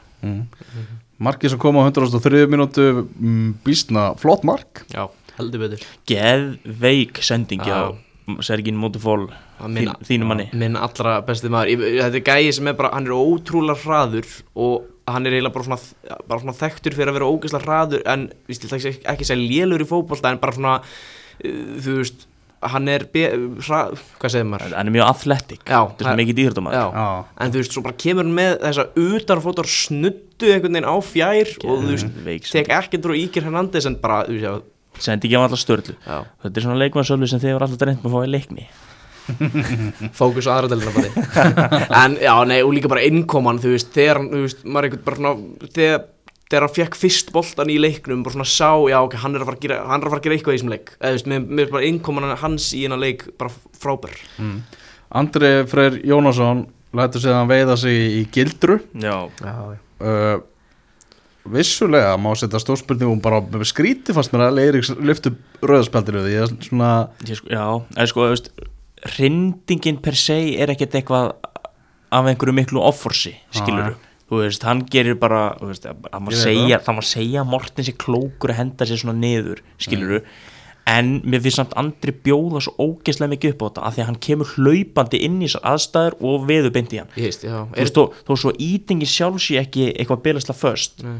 Þú veist, þá, þá skil ég smá að hann fái rauðarspjaldi fyrir það bara hvernig hann kemur hlaupandan inn í þetta og fer eitthvað í þetta þú veist, hann slið á aukaspinnu mm já, ég var að fara að segja það, ekki ekki afgræðning á aukaspinnu á miðjum vatarlega mikið vestra. Já. og, veist, og þetta er svo mikil óþarfi og veist, mér finnst hann bara vittlust að bjóða upp á þetta. Þó Líka. svo að ég skilji vel að þetta eigi ekki vera rautspjald með að við veist, kraftinn og það sem er sett í hrindingunum sjálfa líka svona bara nýbúð þú veist ekki þetta gerist bara í seinast leik og vestar líka móti fjölni það sem að Bjarni fær þú veist eitthvað heimskulegt svona rautt. off the ball eitthvað svona heimskulegt raut pælir í því liðinu. Já, Einar Guðnason sagði á X-inu Eli Eiríks fjalli gildurlega guld hefur næri refsing fyrir þessa léttu hrindingu ekki velun á menn sem detta með tilþrifum. En Hvernig, já, Runólu Pálsson, fórstjóri landsbítala Já, já, og pappi Bjarnar Páls Linnet. Leikmannsafturöldingar hann svaraði skiptir engu máli, þetta afturöldingar er slagt og átti aldrei erindi í deil til að bestu. Það er mjög áhugaverð umhverfi af því að, því að afturöldingalið er actually búið að vera mjög gott í allt sumar.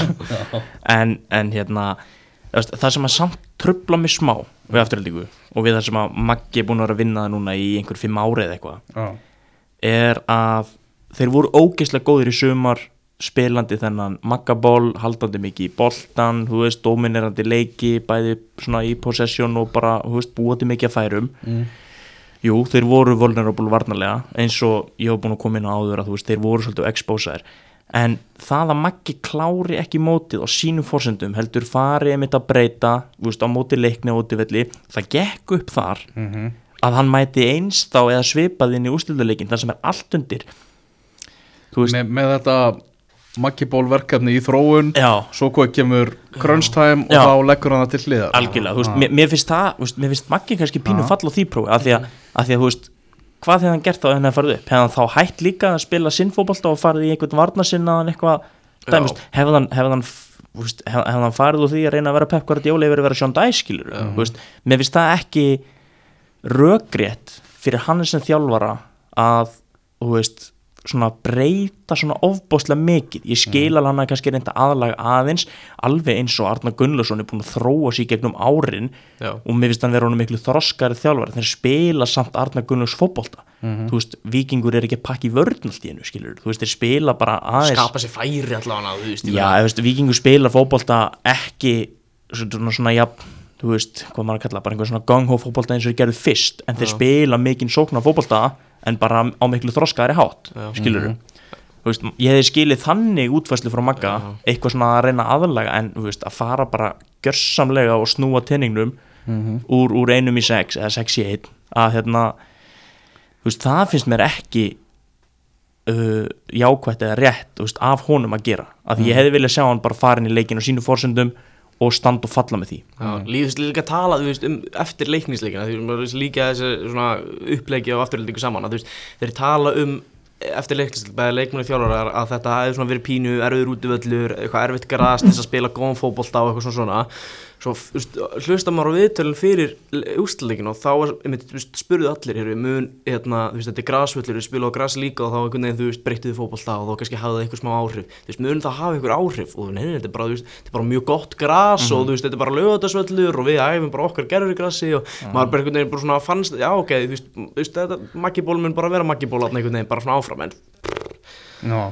Já, veist, mér, mér finnst hann tapa tapa á því að sko bæði fara úr sínu dæmi og tapa versus að hafa mætt bara í sínu dæmi og tapa þannig skil þú veist, mér finnst þetta svona tvöfald tapa einhvern veginn að hann kastar sínu verkefni til hliðar en að tapa samt. Besta tímabil afturöldingar er hortið til stigafjölda og, og skorar að marka en já, já. Já, bara frá, frá, frábært sísón eða tímabil segi og bara þú veist ég menn ef þetta hefði verið í fyrra þá hefði bara farið upp einhvern veginn bara með yfirbörðum og þetta hefði bara verið frábært tímabil og þú veist einhvern veginn bara vonbreiði fyrir svo, hérna, kannski vestra að vera í fjórðasæti einhvern veginn með við kannski að þeir ætla að fara upp en veist þetta er bara svona er bara fyrirkomulagið og þeir bara tapa, tapa því núna og það, það, það er eitthvað lið sem mun alltaf tapa á því. Svo spá mín rættist ég sagði hérna í uppæði tímabils að annars þetta, já, já, það lið sem endur í öðru sæti mun ekki enda uppi. Nei, að ég- bara svona skrifa í Já. skíin sko. Já, já, þú ég, ert að taka upp nýtt tímabil. Já veist, ég, ég var alveg þar líka. Og, og, og þú veist, eins og play-off sér í Breitlandi í Champions-deildinni, ég held að sé eiginlega aldrei liðið í þriðasæti sem fyrir upp sko. Þú veist, bara eiginlega aldrei. Mm þannig að ég, veist, þetta ég, er sálrænt líka svona. Já, en, veist, en mér finnst þetta bara svo leðilegt samt eins og fyrir Magga, veist, hvernig þetta einhvern veginn endar af því að ef þeir hefðu bara klárað fyrsta setið þá hefðu þeir alltaf klárað það á bara þessum Magga-ból sem allir eru búin að dása með allt sumar og það hefði bara lið hefði farið upp á styrlum fórsendum og bara verkefni í blúsandi botni. En núna er þetta einhvern veginn orðið svona þannig veist, að var hann búin að missa trú á því skilur, af hverju mættu þeir ekki í leikinn? Bara, þú veist, mætandi vestramönnum hátt upp á vellinum, pressandi og, og reynandi að, þú veist, drepa þá og kaffara þeim í að halda boltanum.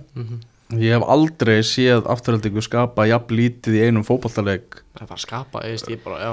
Bara síðan Maggi kom fór með puttana í, í þetta Algjörlega. eins og gert var á lögadagsvellinum Já, en hann kom inn á það sjálfur. Þeir, Ah. þeir skoruðu 0 mörg í held ég tveimur leikjum í allt sumar. Þetta var annar þeirra. Já.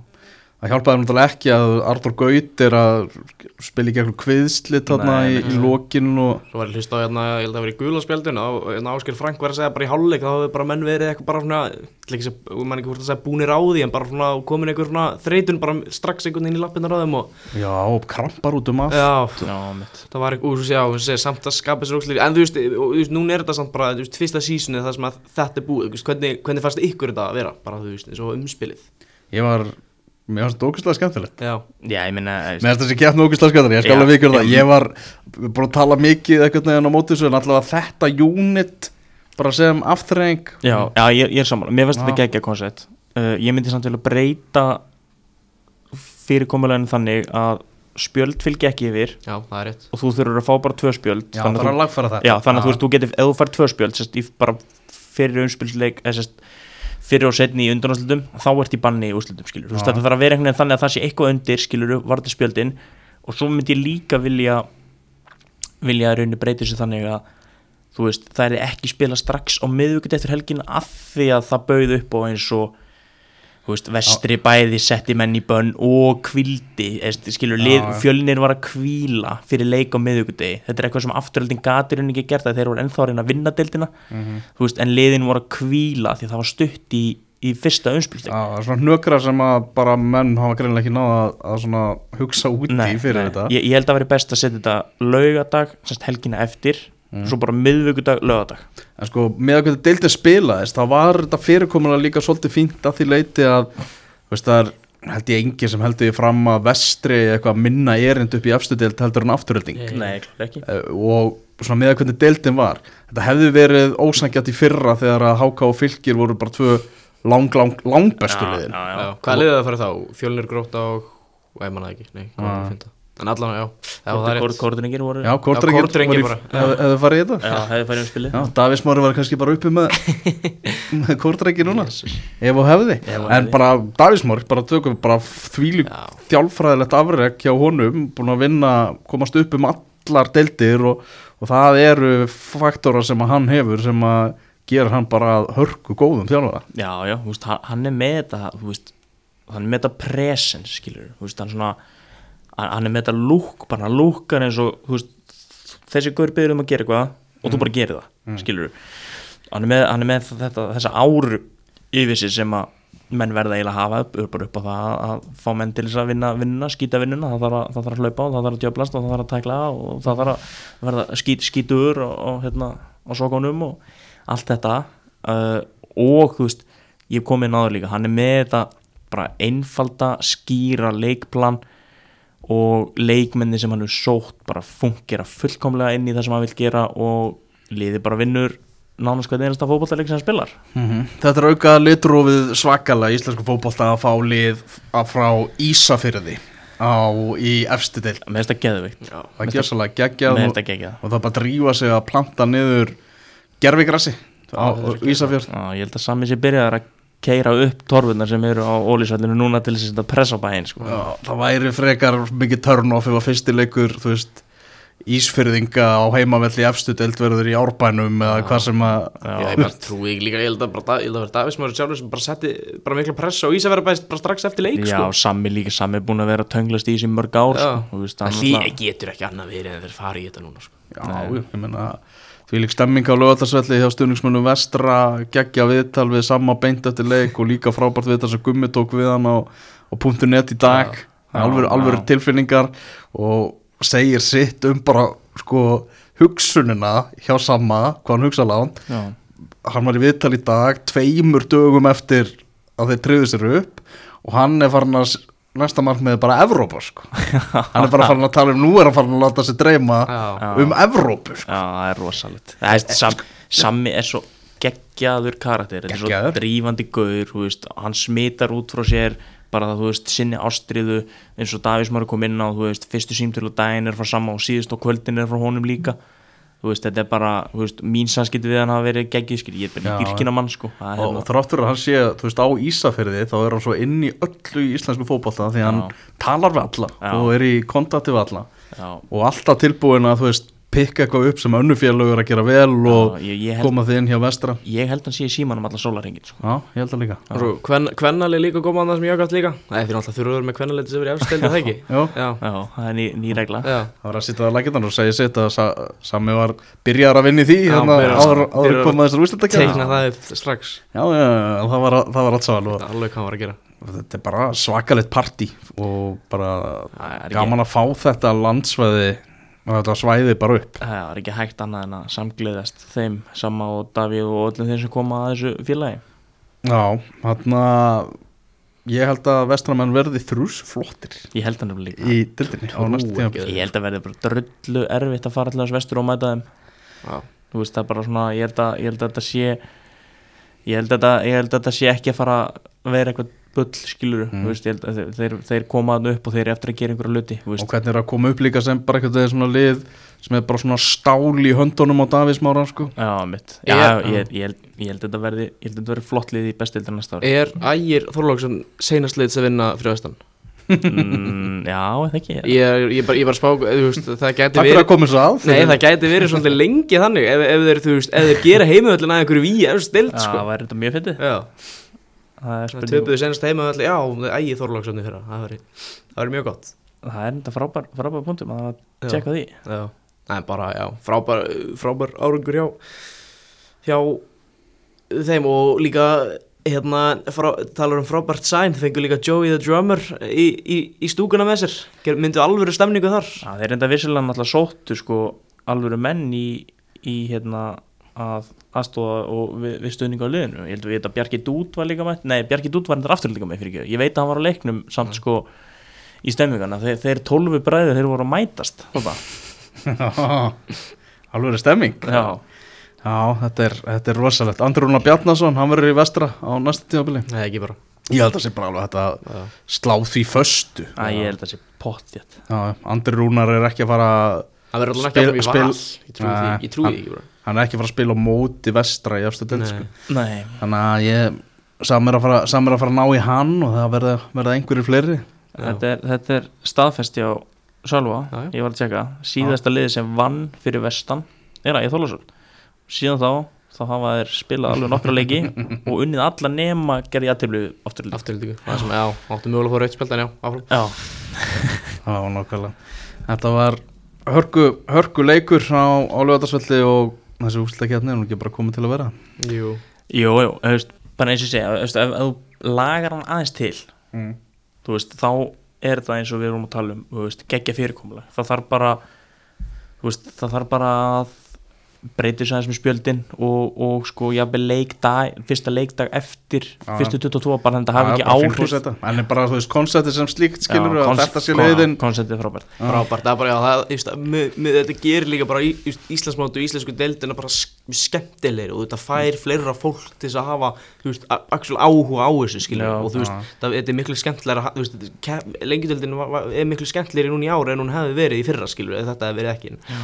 Ein, ein sem að hefur verið rætt og væri kannski mögulegt að skoða veist, er til dæmis að þérna þriði og fjóra seti, eitt og tvö verður beint upp þriði og fjóraða myndu spila umspil og, og mæta tíunda seti svo, svon, í svona leik þú Ég- veist, þú veist, ég- tíunda seti bestildin, það getur líka verið einhver leið mér finnst það líka valið punktur, sko. að því, að því að þú veist, við finnum alveg og sáum alveg hvað þessi leik, leikur hafði mikla þýðingu skilur þú veist hvað var mikil geðviki kringum þetta þú veist, afturhelding á ölver mikil stemming, allt í gangi, brutu borð. Brutu borð og Fyrirleik. Já, uh, en hérna þú veist, og, og vestramenn á held ég snókjur púl snókjur púlstofunni þú veist, þannig að og, og einmitt, þú veist, voru svo þar lengi vel eftir leik, einmitt, sá ég á, á hérna, samfélagsmiðlum hjá mörgum sem ég þekki, að hérna veist, leiðið mætti bara þanga, skilur og voru bara fagna með sínu stuðningsfólki Mhm. þannig að veist, þetta veist, þetta veist, ég var í hérna, ég get sagt það á lögadaginn þá, þá var ég hérna var ég á læknavaktinni og hangaði þetta nengstar í á háaleitis hverfinu Já. og sáum mitt sko tvo aðila bara labbaðan inn út úr einhvern blokkum í vestratreyjum bara klukkan 11 skilur þú veist, þannig að stemmingin var enn byrjum sem að fann að sjá þetta út um allt. Hvað þetta, er bara svona, hvað þetta er áhugavert og hvað þetta hefur mikla þýðingu. Já. þetta eru leikið sem við viljum spilja í þessu skófald Smátt og smátt er að koma meiri líka svona treyjustemming í íslenska fótbolta stundismessi treyjur sko. íslenskara liða. Já, já, ég fíla það, ég er mjög gaman að þessu. Já, ég líka bara um, það sem að eins og Batti segir menna, þú veist, maður sá líka bara þú veist, mitt áskera félagi í leiknin svona, hérna, veist, þeir höfðu eiginlega bara svona, þú veist, jú voru flott, fínir í fyrirlögnum þáttu er að tapa tölum þú veist, þeir höfðu eiginlega ekkert að gera þannig séð í þessu úslutikefni, þú veist, þetta fintasæti og þú veist, það gæti alveg verið að það verði alltaf svolis og líka, þú veist, mann tala þú veist, er að bera þetta saman kannski við Championship-dildinni, ég meina Championship-dildin þú veist, það eru 24 lið í henni, það eru Já, 12 miklu lið í lengjudildinni. Og ég meina, þú veist hérna, ef vestri myndi spila móti hvað, þú veist, fylki, IBVF hák, ég meina, þú veist, myndi ekki myndi ekki alltaf, þú veist, þetta var, það væri bara 50-50 leikur það var bara leikur líka. Einmitt, Já. þú veist, ef að segja sér svo að fylgir endi í tíundarsendi bestdeldinni Já. og, og hérna, vestri myndi vinna tveggjuleik einum í fjölni já, um að spila þá við uh, fylki um mögulegt sætaskipta á dild, þú veist, það væri líka bara geðvikur leikur Gætilendi því að vera bara í lokaumferðinni bæði í fallættu og að segja að komast í umspilið sko. já, já, og það líka, það er þannig, sko, það er þannig í þýskabóltanum Já. að þú veist, þá er það, hérna, þú veist, það er þessi svona, hérna relegation hérna, umspil einhvern veginn, svona fallumspil. Að þú veist, eh, eh, þótt að lið lendir í fallseti þá á það samt sjans að bjarga sér og þú veist líka það liði sem er búið að vinna umspil í neð, neðri deildunum geta, geta ennþá komast upp. Eða ekki komast upp, segi. Drögum þá fram rauðadreilegin og það er komið að liði ársins í lengju deildinni. Ég ætla að eh, fara yfir bara opinbert lið. Fótbolta.net það sem að, sem að fréttaritara síðurnar og, og sérfræðingar hafa valið úrvalslið keppnistímabilsins. Uh, svo eftir það þá megið þið koma svo með eitthvað input, eitthvað nöfn sem að svona gera tilkall og þið jafnvel vilja sjá í, í liðinu. Já, En liðið er svona, í markinu er Árni Marino Einarsson, markvörður Skagamanna, mm mjög jöfn barátta um sætið í, í markinu hjá, í, í þessu úrvarsliði, en hann er markvörður meistarana sem unnu deildina já og eh, stendur í markinu í liðið ásins. Liðsfélagi hans Linur Sæmar Jónsson, hann er í vörðinni, bara ótrúlega tímabil sem hann skoraði, já skoraði, því hann skoraði. vissulega skoraði Já. nokkur mörg hann skoraði þetta tímabil. Og, og mikilvæg mörg sem, Já. að- sem að treyður stig. Og hvað voru ekki með bara næst bestu vörðuna eftir Jú, og hann var að framleikja já, já 2006 í, í dag, nýr samningur, launahækkun. Hann lítur ekki góða launagum já, já, Há, potið Hákon Benningarnir hann lítur, hann lítur að benda mönnum og mikilvægi þess að skora mörg í fótballtaleikinn sóknarmennu vinna leikin og vardamennu vinna tillina já. Hans Viktor Guðmundsson er uh, fulltrúi fjölnis. Í þessu, þessu liði er hann í, í hjarta varnarinnar. Uh, Gustaf Kjeldsen er við, við hans lið. Heldur betur gæða miðvörður sem að vestri með í, í sínu rauðum þar. Já, já, hann er ótrúlega flottur. Mm.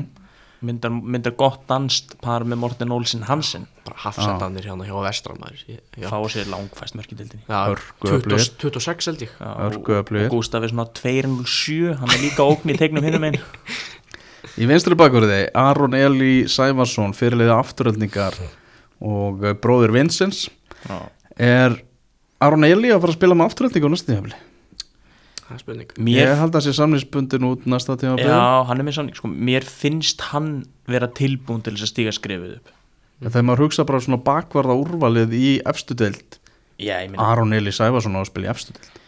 Já, þú veist miða við það já, sko. nei, ústum, nei, líka, líka bara þú horfir í sko horfir í hérna breytina í, í vinstri bakvarastöðunum í bæði Víking og Val já Vals, Valsmenn voru að reyna við það hvað fyrir árið síðan já, mann man, man heyrðist það sko. Já, höfðu, mér- höfðu á honum og nú er náttúrulega Arna Gretarsson búin að tala um að að þau, að þau eru nokkra bakverði það vantar bakverði val. Þú veist, meina Siggi Lár og Birki Már hafi ekki haft samkefni í allt sumar skilum við Já, að því að hlinur varð óvænt bara hafsend og miðjumæður þegar þeir keiftanir unni sem bakverð. Mhm.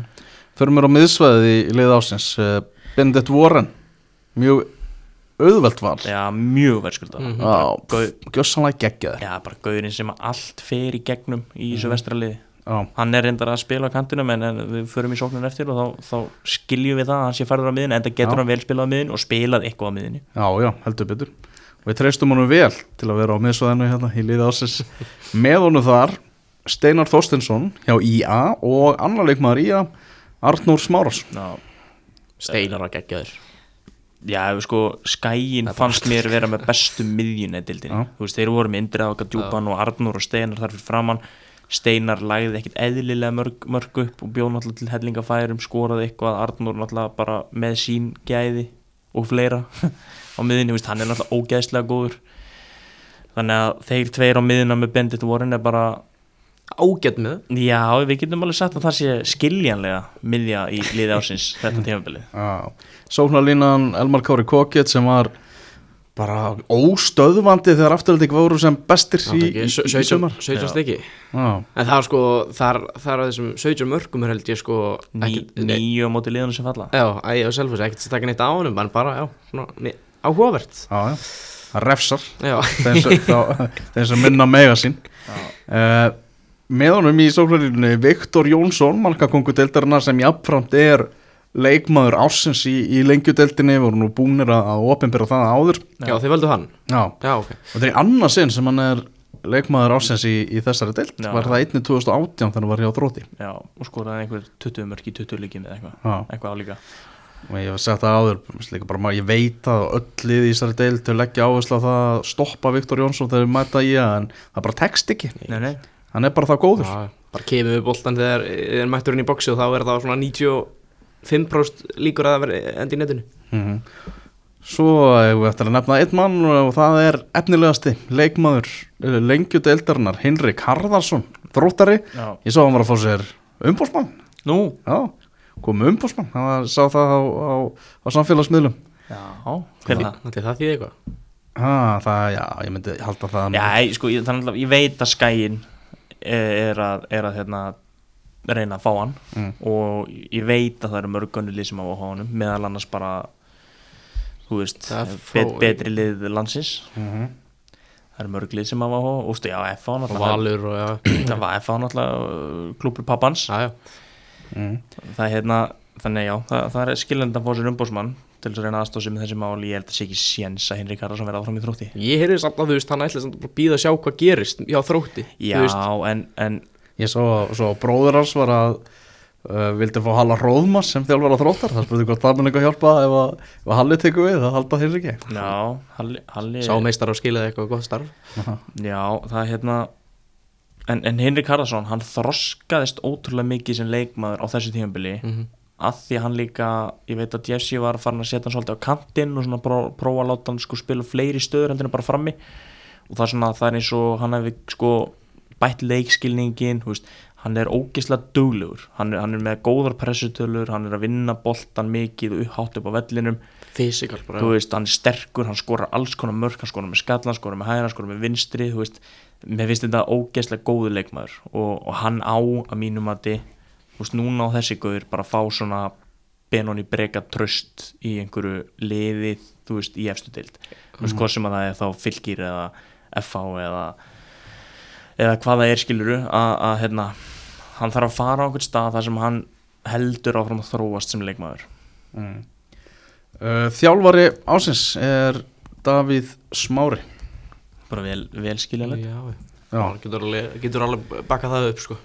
Léttilega. Já, það var mjög, mjög svo auðvelt. Jóþór Haugsson vissulega vinnur deildinu Já. og vel gert í honum að snúa dæminu við en uh, eftir erfiða byrjun en skafamannum var þess að spáð efstasæti meina, sko, og meðan vestra var spáð sjöundasæti af þjálfurum og fyrirlum sko skæin á alltaf að fara upp ef þeir eru að spila í bjödild þú veist, er bara þannig klúpur þannig að, þannig að það er ekki tætt að það er ekki tætt að hérna, Já, ég held að ég, þú set, veist setja út á það að Jón Tósi ekki þjálfur Nei, ásins þú veist, ég held að þeir hafa bara gert það sem að þá búist við það um skilur Þú veist, það það voru einhverjir þannig síðan að setja einhverjar, kannski fyrir þannig saman og kannski Davíð sjálfan setja einhverjum svona kröðu að vestri eigi að fara upp, veist, um deild og bara líka hvernig er, er bara hvernig er klárið þetta tímabil líka, bara, já, Já, fyrir, fyrir, fyrir mér hefði Maggi verið þjálfur ásins ef að hann hefði klára úrslutu Já, þetta, já, þetta er svolítið bara eitt leikur þarna sem skipt uh, breytir þessu. En ég meina, já, Maggi svona, já, kannski. En, Já, þessi úrslitalegur hefur líka fárálega mikið vægi. Já, alveg bilaslega mikið. Það er, það er uh, Þú væri varamannabekkin Já, hendum á bekkin Jafnir Galtsjúk, markvælega afturhaldningar Jónas Val, Val hjá, hjá Ía og umrættan Morten Olsen hjá, hjá Vestra. Mhm. Bjarni Guðjón Brynjólfsson hjá, hjá Þór Svongi og mjög svo skemmtilegi leikmaður. Oliver Bjerrum Jensen afturhaldingu sem að koma á láni frá Randers. Daniel Finns Mattiasson er fulltrúi leiknis í þessum hóp og svo er Indrið Áki Þorlóksson í Ía. Já, einnig það var erfitt að velja, velja svona ég og það voru svona mörgum kost, nöfnum kastað og það eru bara svona 20 manna bekk sko, Mér finnst- mér sér líka pínu öðruð að velja liði sko. Ég hefði persónulega að þú varst að byggja okkur um okkar skoðanir Ég hefði persónulega haft Morten Olsen í liðin og Gústa Kjeldsen á bekknum. Það er bara mín persónulega skoðun. Já, uh, Ég Ég er ekkit viss um ég hefði haft Bjarnar Guðan á bekknum. Ég hefði frekar valið Július Mar í fjölni. Mér fannst hann geggjaður á fjölni hann var líka flokk á bæði að spila svona hafsend Já, og miður já, hann, Já. hann er einu upplæði miðumar Var að spila mikið hafsend og var að leysa það ótrúlega vel hann er hann stila bestur í hafsend sko. Já, og, veistu, mér, fannst, mér fannst hann jafnvel betur en Hans Viktor á tímabilinu. Hans Viktor mm. þú veist, þegar Hans Viktor er góður þá sjá, sjá það allir að hann er alltaf góður fyrir lengidildina en þú veist, Július Mar er 2004 strákur og, og svona fá fyrsta alvöru sénsni í mestarlokki og greip hann gersamlega frábælega þannig að Július Mar finnst mér alveg að skilja það verið í umræðinni já Svo hann lang- var sjátt klálega Já, svo langar mig að, hérna, minnast á, ég nefndi nefnd við þetta elvar, veist, mér fannst besti markmað deildarinnar hvað var hann til spilamennsku vera Marvin Darri en hann spila bara nýju leiki þannig að það Hann er ekki hægt að verja hann. Já, En- en á hann bara hún að viljum sem sæti í liðinu og Já, tapar ekki leik. Nei, nei, nei, Mar Marvin Darri var geggjör ég sá, ég sá alveg nokkra leiki með honum. Mér fannst hann bara frábær eiginlega í þeim öllum. Skilur, veist, hann gerði held í engin mistök. Það var ekkert þetta að skrifa á hann eða setja út á hann. Mhm. og þú veist, það er rauninni bara veist, ef hann hefði spilað fleiri leiki þá hefði hann að mínum að þetta átt að vera settur í liði sko, en, en, en já, það er bara Kútos og hann, hann, hann á skilið mennsjón líka. Mm. Já, ég, er ég líka mjög hrifun að se, Sigur Jón í fjölnin en það er kannski það sem að kemur í veg fyrir það svona, hann á, það til að vera svolítið svona miðstækur það er svona, eru miðstök svona í honum svona hér og þar. Já, sigur, sigur hann er fara bara markmaður en, en í byrjun tímabilsins þá hugsaði ég að bara það er ekki að fara að snerta það að hann verði markmaður tímabilsins sko. já, já, en síðan svona hann fór að, fór að halla. Já veist, hann, hann sko á einmitt leiki þar sem hann hugsa bara, hvað er þessi gaur að gera hérna skilur, en, en svo koma einmitt, þú veist, mistökin þá var maður bara, ah, Já, ég meina, þú veist, eins og, eins og tala um byrjunni, ég meina, þú veist, ég held að var í annari umferð fjö- fjölni, þá fengu, voru þrótti voru að spila í eigilsöllinni, þá kemur mark inn í eigilsöllinni, beint úr hótni já, svo held ég að þriðja mark jöfnunum, komið tvö mark á 90 hérna, þrótti, ég held Já, að Sigrún. jöfnunum hafi verið svolítið hann gaf það líka. Já, gaf það líka, mann hvernig annar marki var. Og svo bara í næsta líka eftir það þá fæður bara skaga og vinna 2-1 þar sem að hann er bara maður um, leikmaður umferðarnar já. Já. að hann bara just, vinnur, vinnur leikin bíla góðu það. það, það er Já. veitum, ég þekki sér nákvæmlega frábær strákur, frábær markmaður Já. og hefur hæfileika en, en svona veist, ég, spurning, spurningstundum er bara hausinn skilur, hvar hausinn á hann er stiltur af því að hann getur náð virkilega langt absolutt ungu markmaður og hver fleiri nöfn ég veist, já, ég meina Ómar Só í leikni kemur mjög svona Já. poppa mjög, þú veist, ég meina þegar, þegar hann, það er einhvern veginn kveikt á honum þá, þú veist einhvern veginn virkar leiknisliðið mun betur einhvern veginn, þú veist. Já, hann er náttúrulega bara líkildar að því að leikni fer í svo úrstilda Ég seg, segi það, þú veist, líka með marga svona unga og uppalda að mikilvægt að vera með eitt svona sem bara, þú veist, veist að, þú veist, eins og hann og Danni Finns og svona, þú veist, sem koma oftast bara með eitthvað á, á borðið. Já, Ómar Só var einmitt, þú veist, einn af þeim sem voru í, í mínum huga. 12 mörk. og líka, sko, ef hann hefði klárað tímabilið Hjalti Sigursson, mér fannst hann Já, mér fannst hann já, vera já, gauðurinn sem let leiknislið tikka á tímabilið, sko. mér fannst hann geggjaður sko. Þannig að hérna, Hjalti, Hjalti má alveg fa- skil, á alveg skilja að fá nafni sitt í umræðina en hann alltaf, hvað finnir ekki út bandaríkinn í skóla? Já. fyrir nám þannig að það er svona, þú veist, það var smá blóttaka fyrir þín og menn alveg, eða ykkar menn Elvar og Sólveig. Já, algjörlega, því að hann var bara sko betri með hverjum leiknum Já. áður en að fórsið hann út Mhm, já, mér fannst hann frábært þar sem ég sá á honum Líka bara, þú veist, og Rafael Viktor klára tíðumbilið mjög vel Já, Ívo, Ívo Bras á flott sumar Vinnið þinn, Þannig bandið að Rafael Viktor enda sem þriðji markaðist Já, hvað var það? Var ekki líka bara eitthvað 12 mörg eða eitthvað svoleiðis? Jú, Já. sko, e- eftir að hafa líka verið sko, ekki að skora mikið og í þerristi kistinu til að byrja með, Já, já. Gunnar, hefði kveikir í Rafal Viktor og, og hann endar tímafél frábæla fyrir Já, það. hann bara heldur Njarvík uppi á stóru hluta. Já, bara, eftir það má bara segja það að hann haldi nærið uppi að því að hann skoraði öll þessi mörg fyrir dutt á rönnið og komið þeim upp úr þessu fallseti uh, og, og, og þú kannast að nefna Ivo Brasi, Ivo Brasi náttúrulega, þú veist, ég náttúrulega þjálfa hann, ótrúlega góð leikmaður. Uh, og spilaði vel fyrir okkur í ægi og fer yfir í afturhaldingu og spilar vel fyrir afturhaldingu þú veist, hann er alveg nafn sem að má alveg verið í umræðinni Allir mörg í heldur 22 leikjum hjá honum. Já, þannig að þú veist, það, það er bara mjög gott fyrir kantmann, Já. hann leggur eitthvað upp líka. Já, þetta er alltaf leggur upp. Og líka svona bara kannski svona eitthvað pú, vantaði, svona eitthvað svona smá púsl sem afturlending vantaði, þannig að maður sá svona að þú veist að, já, en sko, svo, svo líka eitt leikmaður sem að var, sko, maður sá mikinn mun á þrótti þegar Sam Hjússon var með eða ekki. Mm þú veist, það er náttúrulega góðu fótballtamaður, góðu leikmaður bara svona ef maður á að reyna að fara að týna upp einhverjum nöttu sem að Jörg, Jörgen og líka með hennum flottar með henni Já, Jörgjum flottur. En já, líka sami húsin, ég menna, þú veist, hann var búin að vera svolítið lengi frá, ég held að hvað kemur hann í þessum grindavíkleik þegar þeir pakka þeim saman 5-0 Já, Það er bara mjög gott dæmi, það var mjög, mjög gott sjátt Þannig að það lengjudeldinni lokið og þetta var þúsund sinnum skemmtilegra lengjudelda tímabil heldur en í fyrra. alveg bara, bara besta í mörg ár held ég Það er frá, ekki líka bara fallbart, hann bara gleymir henni bara út af, út af þessu umspil, það bara fjall lið á veist, einu marki, sko Já, lið sem hafði tapað 9-0 Já, á fyrra tímabilinu. Þetta er að, var fullt af áhugaverum sögum og sögulínum í, í þessu, þessu, þessu móti. sögulinnar, það, það eru emitt helviti margar. Já, en hérna uh, sko mér langar aðeins að koma inn á skagamenn núna. Já, menn. Já, mínir menn að skaganum. Það, það, það er ekki alltaf hægt að, að hérna, lofa alveg endalaust. Mér finnst mjög skrítið að þeir tala um að fara í uppbyggingu og innviðum og annað og hérna fyrir hennar hákonspenning og fara svo að losa tóminu starfi til þess að taka einn inn í staðinn sko ég er ekki setið út á það að þeir taki inn Dín Martin sem aðstofþjálfur og styrtaþjálfara já. en mér finnst mjög skrítið að breyta tveimur stöðugildum yfir í eitt með, með það hljómar eins og hagraðing fyrir mér það, þetta hljómar eins og þeir hafi ekki þeir eru þeir að vera að missa 500 miljónir ekki fá þær sko. Er ekki, er, er ekki að fara að bæta sér eitthvað við? Ég sko, þú veist, ég á eftir að sjá það allavega en Já. mér finnst allavega sérstakt já, ég er að Halli Hróðmars og, og Hallur Freyr Hallur Freyr sem bæði við sko hann er eitthvað að vinna fyrir KSI Mm. og hann er mjög fær í sínu fæi ótrúlega góður í þessum styrtarþætti. Hann var gaurinn sem var alltaf með iPadin á bekknum og veist, sem að trakkar þessa Mm. púlsmæla og eitthvað skilur og veist, hann er að fylgjast með því. Veist, ef Dino fara að sitja og gera það en samt vera aðstofþjálfari sem á að vera með auð og leiknum og reyna að punkta eitthvað sem að þú veist, eftir, mér finnst þetta svo sérstök. Mér finnst þetta svo sérstök svona hvernig var það, ákvörðun að, Mhm. að hérna, Mjög góð, góð losu tvo menn og inn einn en, en það er búið að gefa það út og þá fjárfest í ég, veist, ég, mér hefði já. geggjað að fá Dino inn en halda hinn tveimur. Ég er alveg samanlega því, en svo bara spurningin, veist, ég hugsa að ég hljóta að vera að fá inn þá einhverja fleiri nýja menn, já, byggja teimið einhvern veginn öðruvísu. Ég- þá vonaði þeir gera það skilur, veist, að, að nú er þá er ég alltaf að setja að pressa á þeir gera núna því að eins og þetta er akkurat í dag þá finnst mér þetta ég- mér hefði þótt geggja hjá þeim að takin Dino, reyndan gaur, frábæran fitnessstjálfara til þess að í rauninni auka og stækka teimið það hefði verið fjárfesting á innviðum að bæta við manni inn í teimið þannig að þeir væri rauninni kannski bara tveir sem sæju um styrta þáttin og geti þá verið að diskutera pælingar og þú veist, bara sjá um þann hluta þjálfurinnar, þjálfunarinnar.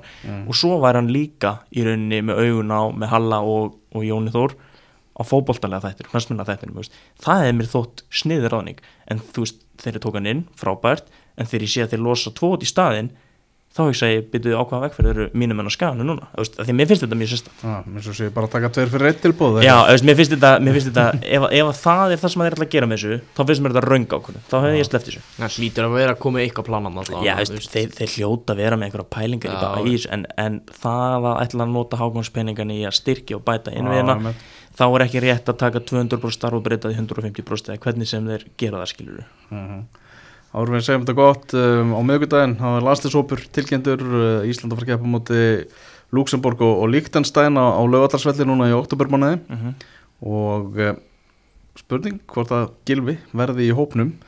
Uh, Freyr Alessandarsson sagði viðtalið við stanga í, í, í uh, óðinsvíum í, í kvöld að Gilvi, það er stemt á það að hann er með á föstudaginn þegar Lyngby er að spila næsta leik. Já, ok, það er jákvæmt Já, en uh, er og er horfið að fara að velja Gilva Þór Sigursson þegar hann er búin að spila kannski samtals hálftíma eða eitthvað? Ma... það var í stemning. Það var stemming. Það var í stemning. Sko, ég, ég hugsa að það geti mögulega gerst út frá því hvaða leikmenn og karakterir eru off. Þú veist, Jói Berg er átt Alfreð er, al, nei, nei, var Alfreð að meðast Nei, Nei, nei, Albert er allan ekki með. Nei, já, það er Albert er ekki með Jói Berg er ekki með. Aron Einar. Hör, Hörður er ekki með. Aron er ekki með. Ég held að hann geti alveg hort í Já. bara að sækja karakterin, skilur Það er bara, já, góð punktur. Þú veist, ég, að, að því að það eru svo stóri karakter út, þú veist, ef að Jói Berg væri inni, Mm. þá held ég að hann myndi ekkit endilega gera það, en ég held að hann horfi í það í rauninni í staðin kannski sem replacement þar. Að, að hérna Svona karakter eitthvað já, og, þú veist, og bara reynslu. Já. bara, þú veist, ég held að þetta gæti líka verið geggja búst fyrir alla að fá gilvaðin inn aftur eftir langa fjárveru, þú veist, það er hann sem að var andlitið okkar í okkar besta árangur í sögunni. Mhm. þannig ég, veist, ég, held að hann geti gert það út frá því. Já, ég var illa peppaður þegar hann kom að inn á hann mútið hverjum var það eftir þarna, í dönsk, dönsku dildinni Já, hann að segja Vei- Væle, Væle, Væle, Væle, já. Já, svo hvað er hann ekki búin að vera með núna í senstu tveimileikið með ekki, Já, ekki hóp? Off- Offices 2 Já, Já. en ég, ég vona bara að hann veri valin í hóp svo tekur hann eina, tekur og eina svona að rakka sig skiptingu á 60. mínúti og leifur hann um að klára leikina mútið Lichtenstein eða eitthvað? Já, það væri restið því að ég veit allavega að þeir sem séum að selja mið á lögatarsvöld þeir hljóta að vonast eftir því að Gilvi verði Úff, í, í hópn Það getur líka verið náttúrulega, maður veit aldrei. Já, já. Er það þessu langa engkasti á þessu mánudagskvöldi? Er lokið? Bara takk fyrir okkur